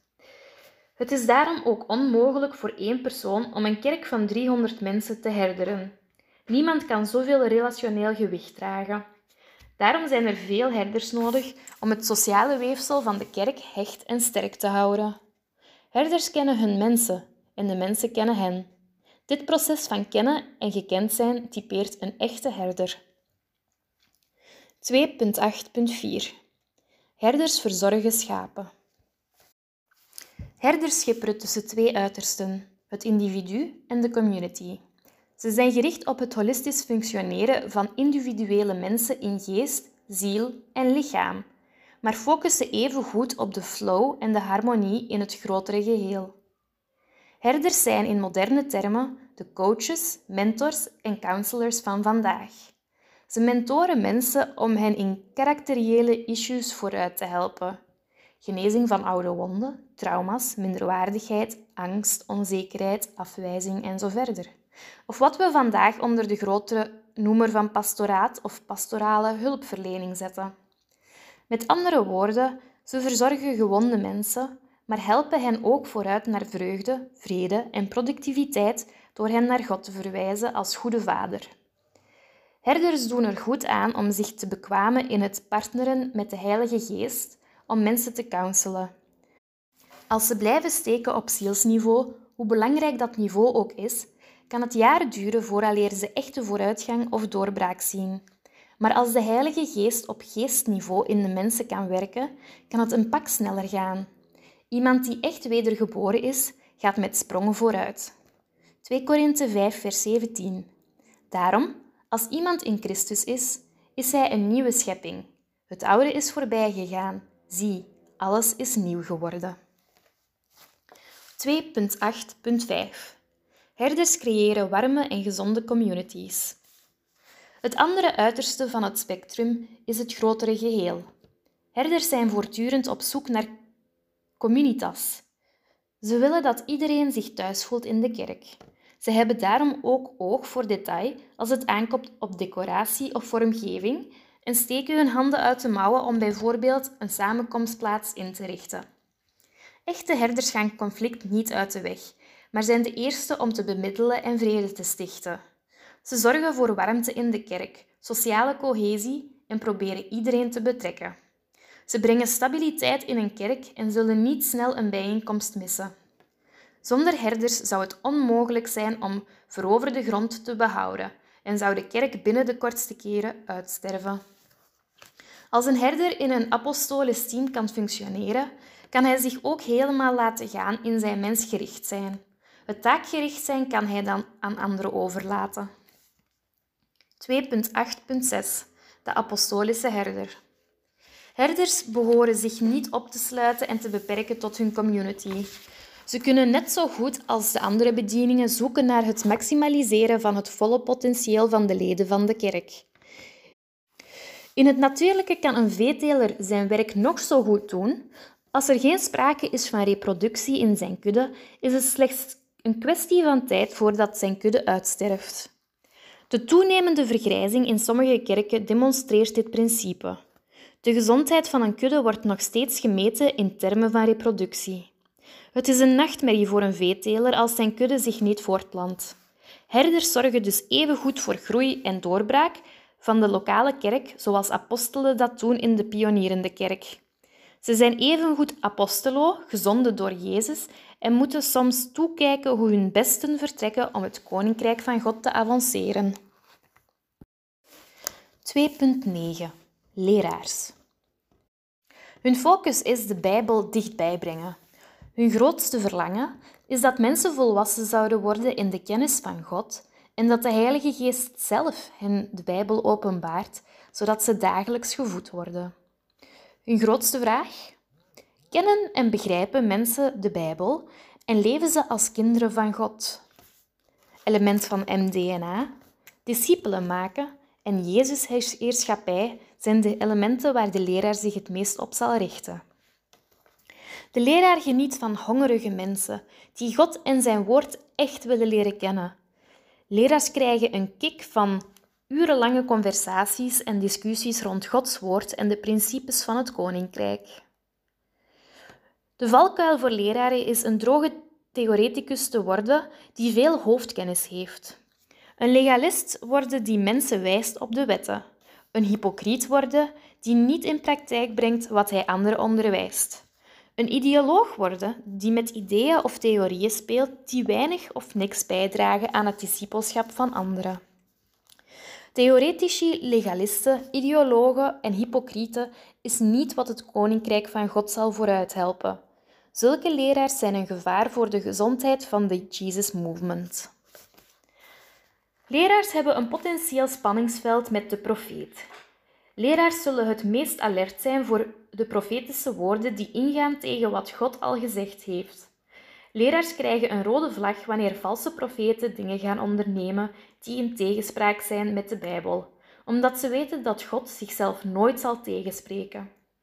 Goede leraars zullen het snelst valse profeten of ook oprechte, maar onvolwassen profeten herkennen. Voorbeelden waaronder Bijbelse zijn Jezus, Salomo, Apollos, Jacobus, Derek Prince, Zach Ponen, Ravi Zacharias, Chuck Missler, Paul Washer enzovoort. Maatschappelijke voorbeelden van leraars zijn scholieren, academici, professoren, leraars en zo verder. Een Bijbelvers dat bij leraars past is 2 Timotheus 3 vers 16. Heel de schrift is door God ingegeven en is nuttig om daarmee te onderwijzen, te weerleggen, te verbeteren en op te voeden in de rechtvaardigheid, opdat de mens die God toebehoort volmaakt zou zijn, tot elk goed werk volkomen toegerust. 2.9.1 Geboren communicators. Elk van de vorige vier bedieningen heeft raakvlakken met het geven van onderwijs. Een evangelist die het evangelie uitlegt, een apostel die de fundamenten in de kerk legt, een herder die counseling doet of een profeet die een woord van God doorgeeft. Alles is communicatie met God en andere mensen. Dit is direct een van de redenen waarom de leraar essentieel is als bediening in het lichaam. Ze kan de andere vier helpen communiceren. Als echte communicators heeft God hen een gave gegeven tot het geven van onderwijs aan anderen in de kerk. Leraars nemen ook een pedagogische rol op in de zin dat ze anderen helpen opgroeien in het discipelschap. Ze brengen wijsheid en begrip en hebben skills om mensen aan te moedigen tot het lezen en begrijpen van Gods woord. Hun hele bediening draait dan ook om de logos, oftewel het geschreven woord van God. Wanneer leraars situaties, conflicten of ideeën tegenkomen, gaan ze als het ware mentaal doorheen de hele Bijbel om te checken of ze ergens een gelijkaardige Bijbelse situatie, conflict of idee tegenkomen, zodat ze vanaf dat punt kunnen beginnen redeneren en bidden. Leraars hebben er plezier in om Bijbelversen te memoriseren, om verbanden te leggen tussen de verschillende Bijbelboeken en om passages uit de Bijbel helemaal tot in detail te gaan uittypen. Sommigen gaan dan ook de Hebreeuwse of Griekse grondtekst volledig uitpuren, zodat ze echt ten volle kunnen begrijpen wat er staat. Een theologisch diploma is geen voorwaarde voor Bijbels leraarschap, maar het kan zeker een grote hulp zijn. Het vele vertaalwerk dat doorheen de eeuwen door honderden Bijbelgeleerden werd gedaan, heeft ons een waaier aan Bijbelvertalingen opgeleverd die, naast elkaar gelegd en vergeleken, ons een heel goed beeld geven van wat de grondtekst zegt. Wat vaststaat is dat leraars sterk gevormd, belezen en leergierig zijn om God te kennen en zijn woorden en wegen te begrijpen. Leraars zijn allereerst gemotiveerd om zelf te leven naar Gods standaarden, vooraleer ze ook anderen leren leven volgens de principes van Gods koninkrijk. Ze zijn bekommerd om de grootste do doctrines van het geloof, niet puur voor het theoretisch kader, maar juist voor het praktische toepassing ervan in ons leven. We bespreken enkele kerntaken van Bijbelse leraars. 2.9.2 Ze motiveren anderen om de Bijbel te lezen. De leraar heeft voor zichzelf ervaren dat Gods woord levend is, krachtig is, impact heeft en niet ledig tot God zal wederkeren, maar dat alles zal bereiken waarvoor God het uitgestuurd heeft. Jesaja 55. Daarom gaat een leraar verder dan mensen te vertellen wat er in de Bijbel staat. Hij doet alles wat hij kan om mensen te motiveren, zodat ze zelf blootgesteld worden aan het woord van God, met alle gevolgen van dien. Ze zullen dus alles uit de kast halen, van persoonlijke gesprekken tot publieke presentaties, om mensen in de Bijbel te doen lezen. Men zegt wel eens dat filosofen makkelijk dingen moeilijk maken en dat leraars moeilijke dingen makkelijk maken. Hier zit een grond van waarheid in, in die zin dat leraars Gods woord interpreteren, voorstellen en toegankelijk maken. Dit houdt een grote verantwoordelijkheid in, die Jacobus met een ferme waarschuwing formuleert in het derde hoofdstuk van zijn brief. Jacobus 3, vers 1. U moet niet allemaal leraars willen zijn, mijn broeders. U weet immers dat wij dan een strenger oordeel zullen ontvangen. Leraars moeten ervoor zorgen dat ze het hele raadsbesluit van God verkondigen en niet enkel wat hen aanstaat of bevalt. Leraars mogen informatie niet gaan kleuren naar hun persoonlijke voorkeuren, maar moeten trouw zijn aan elk aspect van Gods woord en dat doorgeven aan anderen. 2.9.3 Ze demonstreren vanuit de praktijk. Bijbelse leraars zijn niet enkel theoretici of academici die hoog in een ivoren toren systematisch theologie zitten te verslinden of te produceren. Leraars houden van kennis en wijsheid en geven die graag door, maar schrikken niet terug om te demonstreren wat ze geleerd hebben. Ze onderwijzen vanuit de praktijk. Het is daarom van essentieel belang om te begrijpen dat de eerste boodschap van elke leraar diens eigen leven moet zijn. Iemand kan een zeer interessante studie komen geven over bidden en vasten, maar als hij zelf nog nooit, maar nooit meer dan één dag gevast heeft, valt hij onvermijdelijk door de mand. Niemand houdt van mensen die komen preken wat ze zelf niet toepassen. De leraar is dus iemand die kan demonstreren wat hij predikt en die vanuit de praktijk een mandaat heeft om aan anderen door te geven wat hij zelf met God doorgeworsteld heeft. Ze onderwijzen anderen altijd naar een ervaring of toepassing, niet enkel naar hoofdkennis. Ze gaan het proces met mensen aan tot Gods woord levend en toegepast wordt in hun levens. Het is dus niet degene die de Bijbel het beste kent die mag komen preken vooraan, maar degene die het meeste toepast. Een leraar let dus ook in zijn persoonlijke leven met God op dat hij zichzelf niet onderwijst voorbij zijn capaciteit tot gehoorzaamheid. 2.9.4 Ze geven water aan wat geplant is. Paulus zegt in 1 Korinthe 3, vers 6: Ik heb geplant, Apollos heeft begoten, maar God heeft laten groeien. Dit vers helpt ons begrijpen dat Paulus als apostel in zijn ondernemingen fundamenten voor het geloof had gelegd in Korinthe en dat Apollos in een later stadium hen heeft helpen groeien. Het is een prachtig beeld van bediening van een leraar. In opvolging van de apostolische fundamenten stuurt God leraars uit om mensen te verdiepen in hun geloof, in hun Bijbelkennis en in hun liefde voor God. Ze beantwoorden de vragen die nog spelen of ze verwijderen intellectuele barrières die mensen weerhouden om Gods woord volledig te gaan geloven. Ze kunnen de disciplines van Jezus uitleggen aan anderen en ze ook helpen toepassen. Leraars zijn sterk in theologie, filosofie en methodologie. Het karakter van God, theologie, vertaalt zich naar een levenswijze, filosofie, die is uitgewerkt in verschillende stappen, methodologie. 2.9.5 Ze schipperen tussen bovennatuurlijke openbaring en systematische expositie. Het grootste verlangen van een leraar is dat mensen gaan liefhebben en gaan gehoorzamen. Hij weet dat ze hiervoor tenminste, maar liefst veel meer dan, een basiskennis van Gods woord moeten hebben. Het gebed van een leraar is dus dat God hem zou gebruiken om de Bijbel aan anderen te onderwijzen.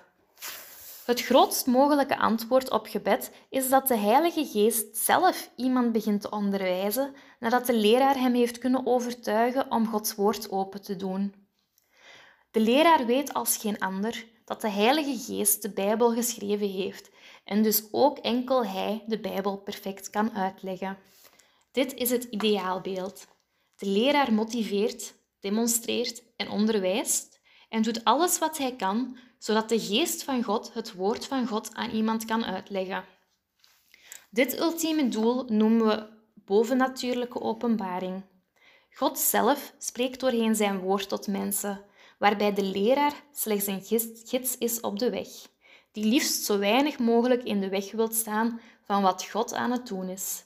Hij is een facilitator, iemand die met anderen het proces wil doorlopen, zodat ze zo efficiënt en diepgaand mogelijk kunnen leren. Maar het bovenstaande ideaalbeeld is helaas zelden van toepassing. Veel mensen raken hun Bijbel maar weinig aan en velen zijn sceptisch over wat erin geschreven staat. Daarom rekent de leraar ook de systematische expositie tot zijn wapenarsenaal.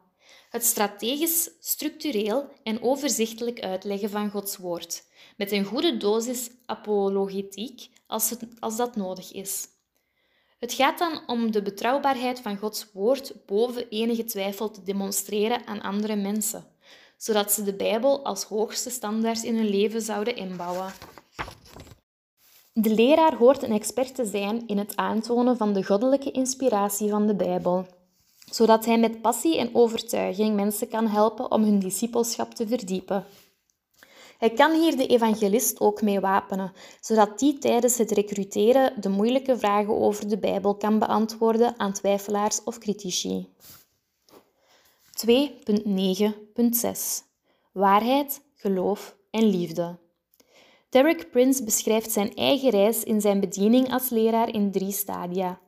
In een eerste stadium was hij geobsedeerd door het concept van de waarheid. Wat is waarheid? Waarom is Jezus de waarheid?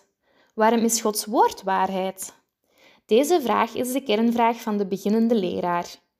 In een tweede stadium, wanneer de waarheid zowel in grote lijnen als in detail geformuleerd is, moet een leraar evolueren naar geloof. De Bijbel kennen is één ding, erop vertrouwen is iets helemaal anders. De leraar moet tot een punt komen waar hij niet enkel de feiten kent, maar die ook in praktijk brengt en op Gods woord gaat staan, met alle bijhorende getuigenissen. In een derde en laatste fase leidt de studie van Gods woord hem naar een diepe liefde voor God en mensen. De godskennis krijgt nu handen en voeten, omdat ze van het hoofd naar het hart en uiteindelijk naar de handen gaat. Dit is in principe dezelfde opbouw die we hanteren in de boeken van Recruits. Engage is de school van het hoofd en gaat helemaal over waarheid, de feiten en een grondig bijbels wereldbeeld. Establish is de school van het hart, waar ons geloof zich moet gaan vertalen in daden van gehoorzaamheid. Equip is de school van de handen, waarin liefde voor God en voor mensen handen en voeten krijgt in dienstbetoon. Paulus zegt daarom dat het einddoel van onderwijs altijd liefde moet zijn. In 1 Timotheus 1 vers 5 staat er: Het einddoel nu van het gebod is liefde, die voorkomt uit een rein hart, een goed geweten en een ongeveinsd geloof. 2.10 Apostolisch genie in de vijfvoudige bediening. Hopelijk is voor jou het een en ander opgeklaard na het lezen van de profielen van de vijf bedieningen. Laat ons er direct bij vermelden dat we algemeen geweest zijn en dat er nog een massa te leren is over alle vijf. Maar overduidelijk is dat deze leiderschapsstructuur in zichzelf het volledige genie van de kerk bevat. Zij is op voorwaarde van liefde en eenheid werkelijk tot alles in staat. Evangelisten maken bekeerlingen, herders verzorgen hen, leraars onderwijzen hen, profeten spreken Gods doel en design over hen uit en apostelen rusten hen toe en schakelen hen in om Gods koninkrijk te avanceren. Het is de perfecte disciple-making machine, net zoals Jezus. Jezus is de perfecte apostel, de meest accurate profeet, de meest effectieve evangelist, de meest liefdevolle herder en de meest inspirerende leraar. Hij was de perfecte eenmanskerk en wij kunnen in zijn voetstappen volgen als we dit soort leiderschap gaan uitwerken. De vijfvoudige bediening is daarom een sleutel om alle elementen van Movement DNA te kunnen realiseren. We moeten nogmaals benadrukken dat elke christen toegang heeft tot elke geestelijke gave. De Heilige Geest kan immers elk van ons op elk moment gebruiken voor een bepaalde taak. Maar dat wil natuurlijk niet zeggen dat elk van ons even goed is in alle gaven. Iemand kan ook perfect een mix van gaven hebben waarbij die persoon voor 50% leraar is 30% herder, 15% apostel, 10% evangelist en 5% profeet, om maar een voorbeeld te geven. Mike Breen, stichter van 3DM, spreekt daarom van base- en face-gaven. In het voorbeeld van hierboven is leraarschap de basisgave, maar is de persoon eveneens een bekwame leider. Het bovenstaande profiel is dan een echte settler, maar dat wil niet zeggen dat God hem niet fases geeft in zijn leven om uit te stappen in apostolische, evangelistische of profetische gaven. Iemand zal altijd naar zijn volle potentieel leven in zijn basisgaven, maar God kan hem in een bepaalde seizoenen doen groeien in andere gaven, met de bedoeling om zijn arsenaal en dus effectiviteit uit te breiden. In het bedrijfsleven noemen ze dit cross-training. Je bent misschien geen evangelist, maar je bent sowieso geroepen om je geloof te delen met mensen die je tegenkomt. Je bent misschien geen profeet, maar elk van ons moet Gods stem verstaan en antwoorden. Je bent misschien geen leraar, maar je bent altijd aan het leren en die leerervaring kan je doorgeven aan anderen. Paulus was daarom een leraar-apostel, Johannes eerder een herder-apostel.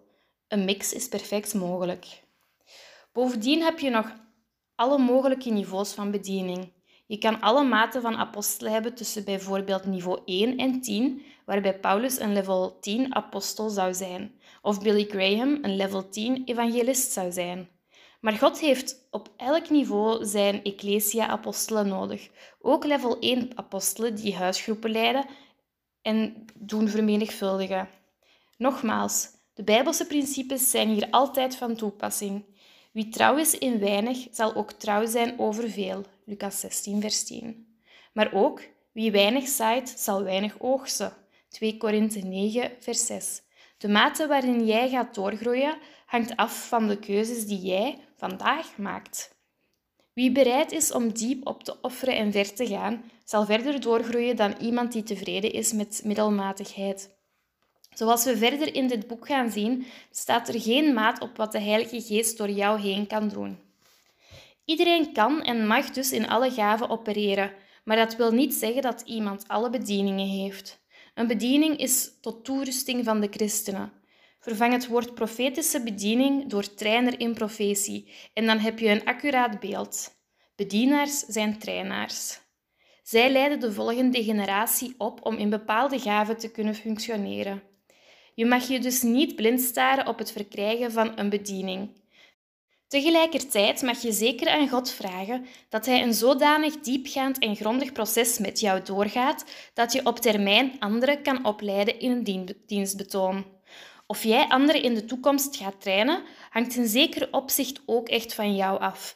Want als God jou geroepen heeft om een bepaalde gave te gaan uitoefenen, is het een logisch vervolg dat jij op termijn gaat delen met anderen wat God jou geleerd heeft.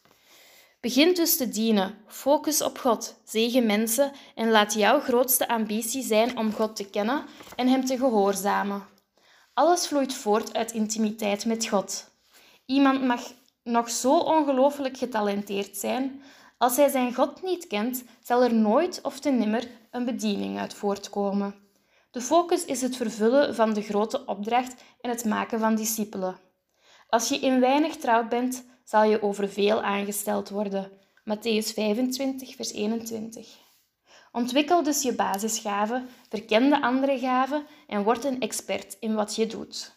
God wilt jou trainen, opleiden en uitsturen. De wereld wacht op wat jij te geven hebt. Het genie van de vijfvoudige bediening zit dus in de enorme veelkleurigheid aan persoonlijkheden, gaven en talenten. Heel vaak zie je datgene wat God in het design van een persoon gelegd heeft, ook tot uiting komen in dienstgeestelijke gaven. De kans is groot dat een leraar in het natuurlijke ook een leraar in het geestelijke kan worden. Of iemand die een gepassioneerd sociaal werker is, kan perfect een herderlijke bediening krijgen. God gebruikt dan ook al onze werksituaties om ons te helpen vormen. Ik ken een voorganger die van het principe is dat mensen altijd best eerst enkele jaren in de maatschappij voor een baas of voor de overheid gaan werken, zodat ze die discipline, werkervaring en skills daarna voor Gods koninkrijk kunnen gaan gebruiken. Het punt is dat God jou op een bepaalde manier heeft samengesteld en dat je dus van het design mag uitgaan in het beginnen dienen in de kerk. De kans is zeer klein, of zelfs onbestaande, dat God jou op lange termijn zal uitsturen in een richting waarvoor Hij jou niet gemaakt heeft. Probeer nu als denkoefening de andere recruits van jouw groep al eens te categoriseren. Welke gave en potentiële bediening zie je bij welke persoon? De kans is groot, eigenlijk zelfs onvermijdelijk, dat jullie in de recruitsgroep al een hele hoop genie verzameld hebben.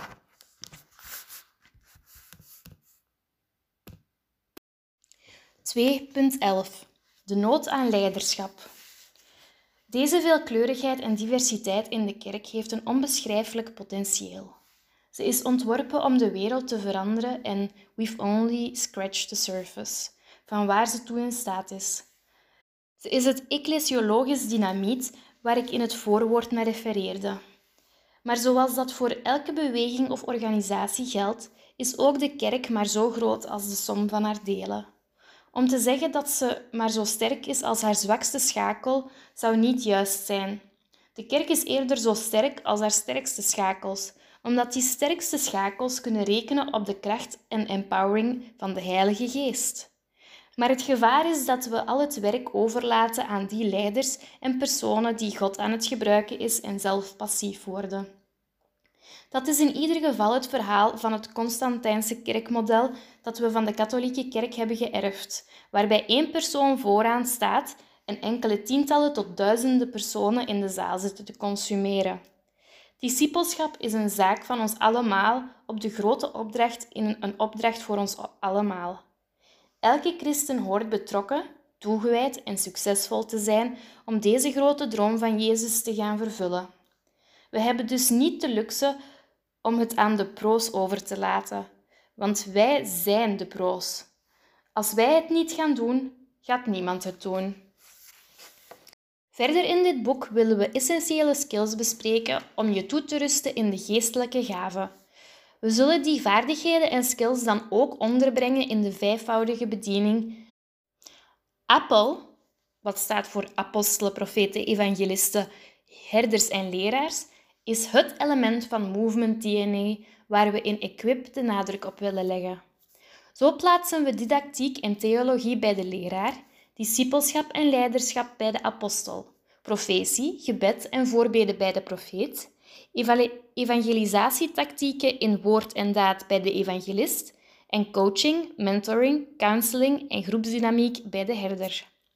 Met andere woorden, we proberen het zo praktisch mogelijk te maken op zo'n breed mogelijke manier, zodat je met elk hoofdstuk je voordeel kan doen. Je zult merken dat bepaalde delen van hoofdstuk 5, 6, 7, 8 of 9 je voorkeur zullen wegdragen.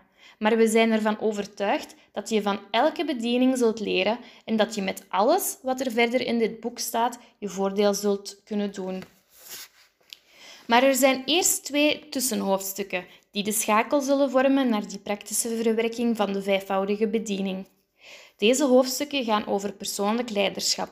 Het is een logische tussenstap aangezien we in de eerste twee hoofdstukken kerkelijk leiderschap hebben bestudeerd. Wanneer de kerk terugkeert naar haar oorspronkelijke design van discipelen maken, zal ze staan of vallen met goed leiderschap. Daarom dat we er alles op inzetten om jou te helpen ontwikkelen tot de beste leider-dienaar die je kunt worden. Hoofdstuk 3 gaat om het geestelijke aspect van leiderschap en is essentieel om te begrijpen vooraleer je je kunt beginnen bekwamen en ontwikkelen in de geestelijke gaven. Hoofdstuk 4 gaat over het groeien in je leiderschapscapaciteit. Een beweging van discipelschap vereist leiderschap van al haar leden en dus ook van jou. It's time to step up your game. 2.12 Recruits-uitdaging. In welk van de profielen van de vijfvoudige bediening herken je jezelf het meest? Waarom? Welke levenservaring heb je die aansluit bij dat profiel? Bijvoorbeeld taken die je in de gemeente hebt, de opleiding die je volgt, gevolgd hebt, of de job die je nu uitoefent. Rangschik de vijf gaven voor jezelf van sterkst naar minst voorkomend. Doe dit voor je zo meteen een gaventest doet. Zo kan je meteen een stuk zelfkennis peilen die vervolgens bevestigd of tegengesproken kan worden door de test. Als aanloop naar het volgende hoofdstuk is het goed dat je de volgende testen allemaal uitvoert en de resultaten ergens bijhoudt in een mapje of in screenshots.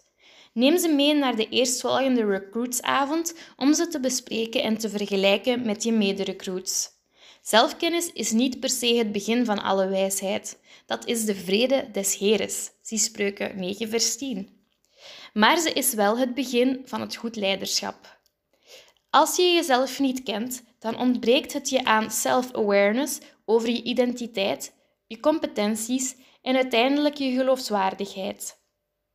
Het is immers pijnlijk als iemand iets begint te doen waarvan hij denkt dat hij er goed in is, terwijl iedereen rondom hem eigenlijk ziet en weet dat dat niet het geval is.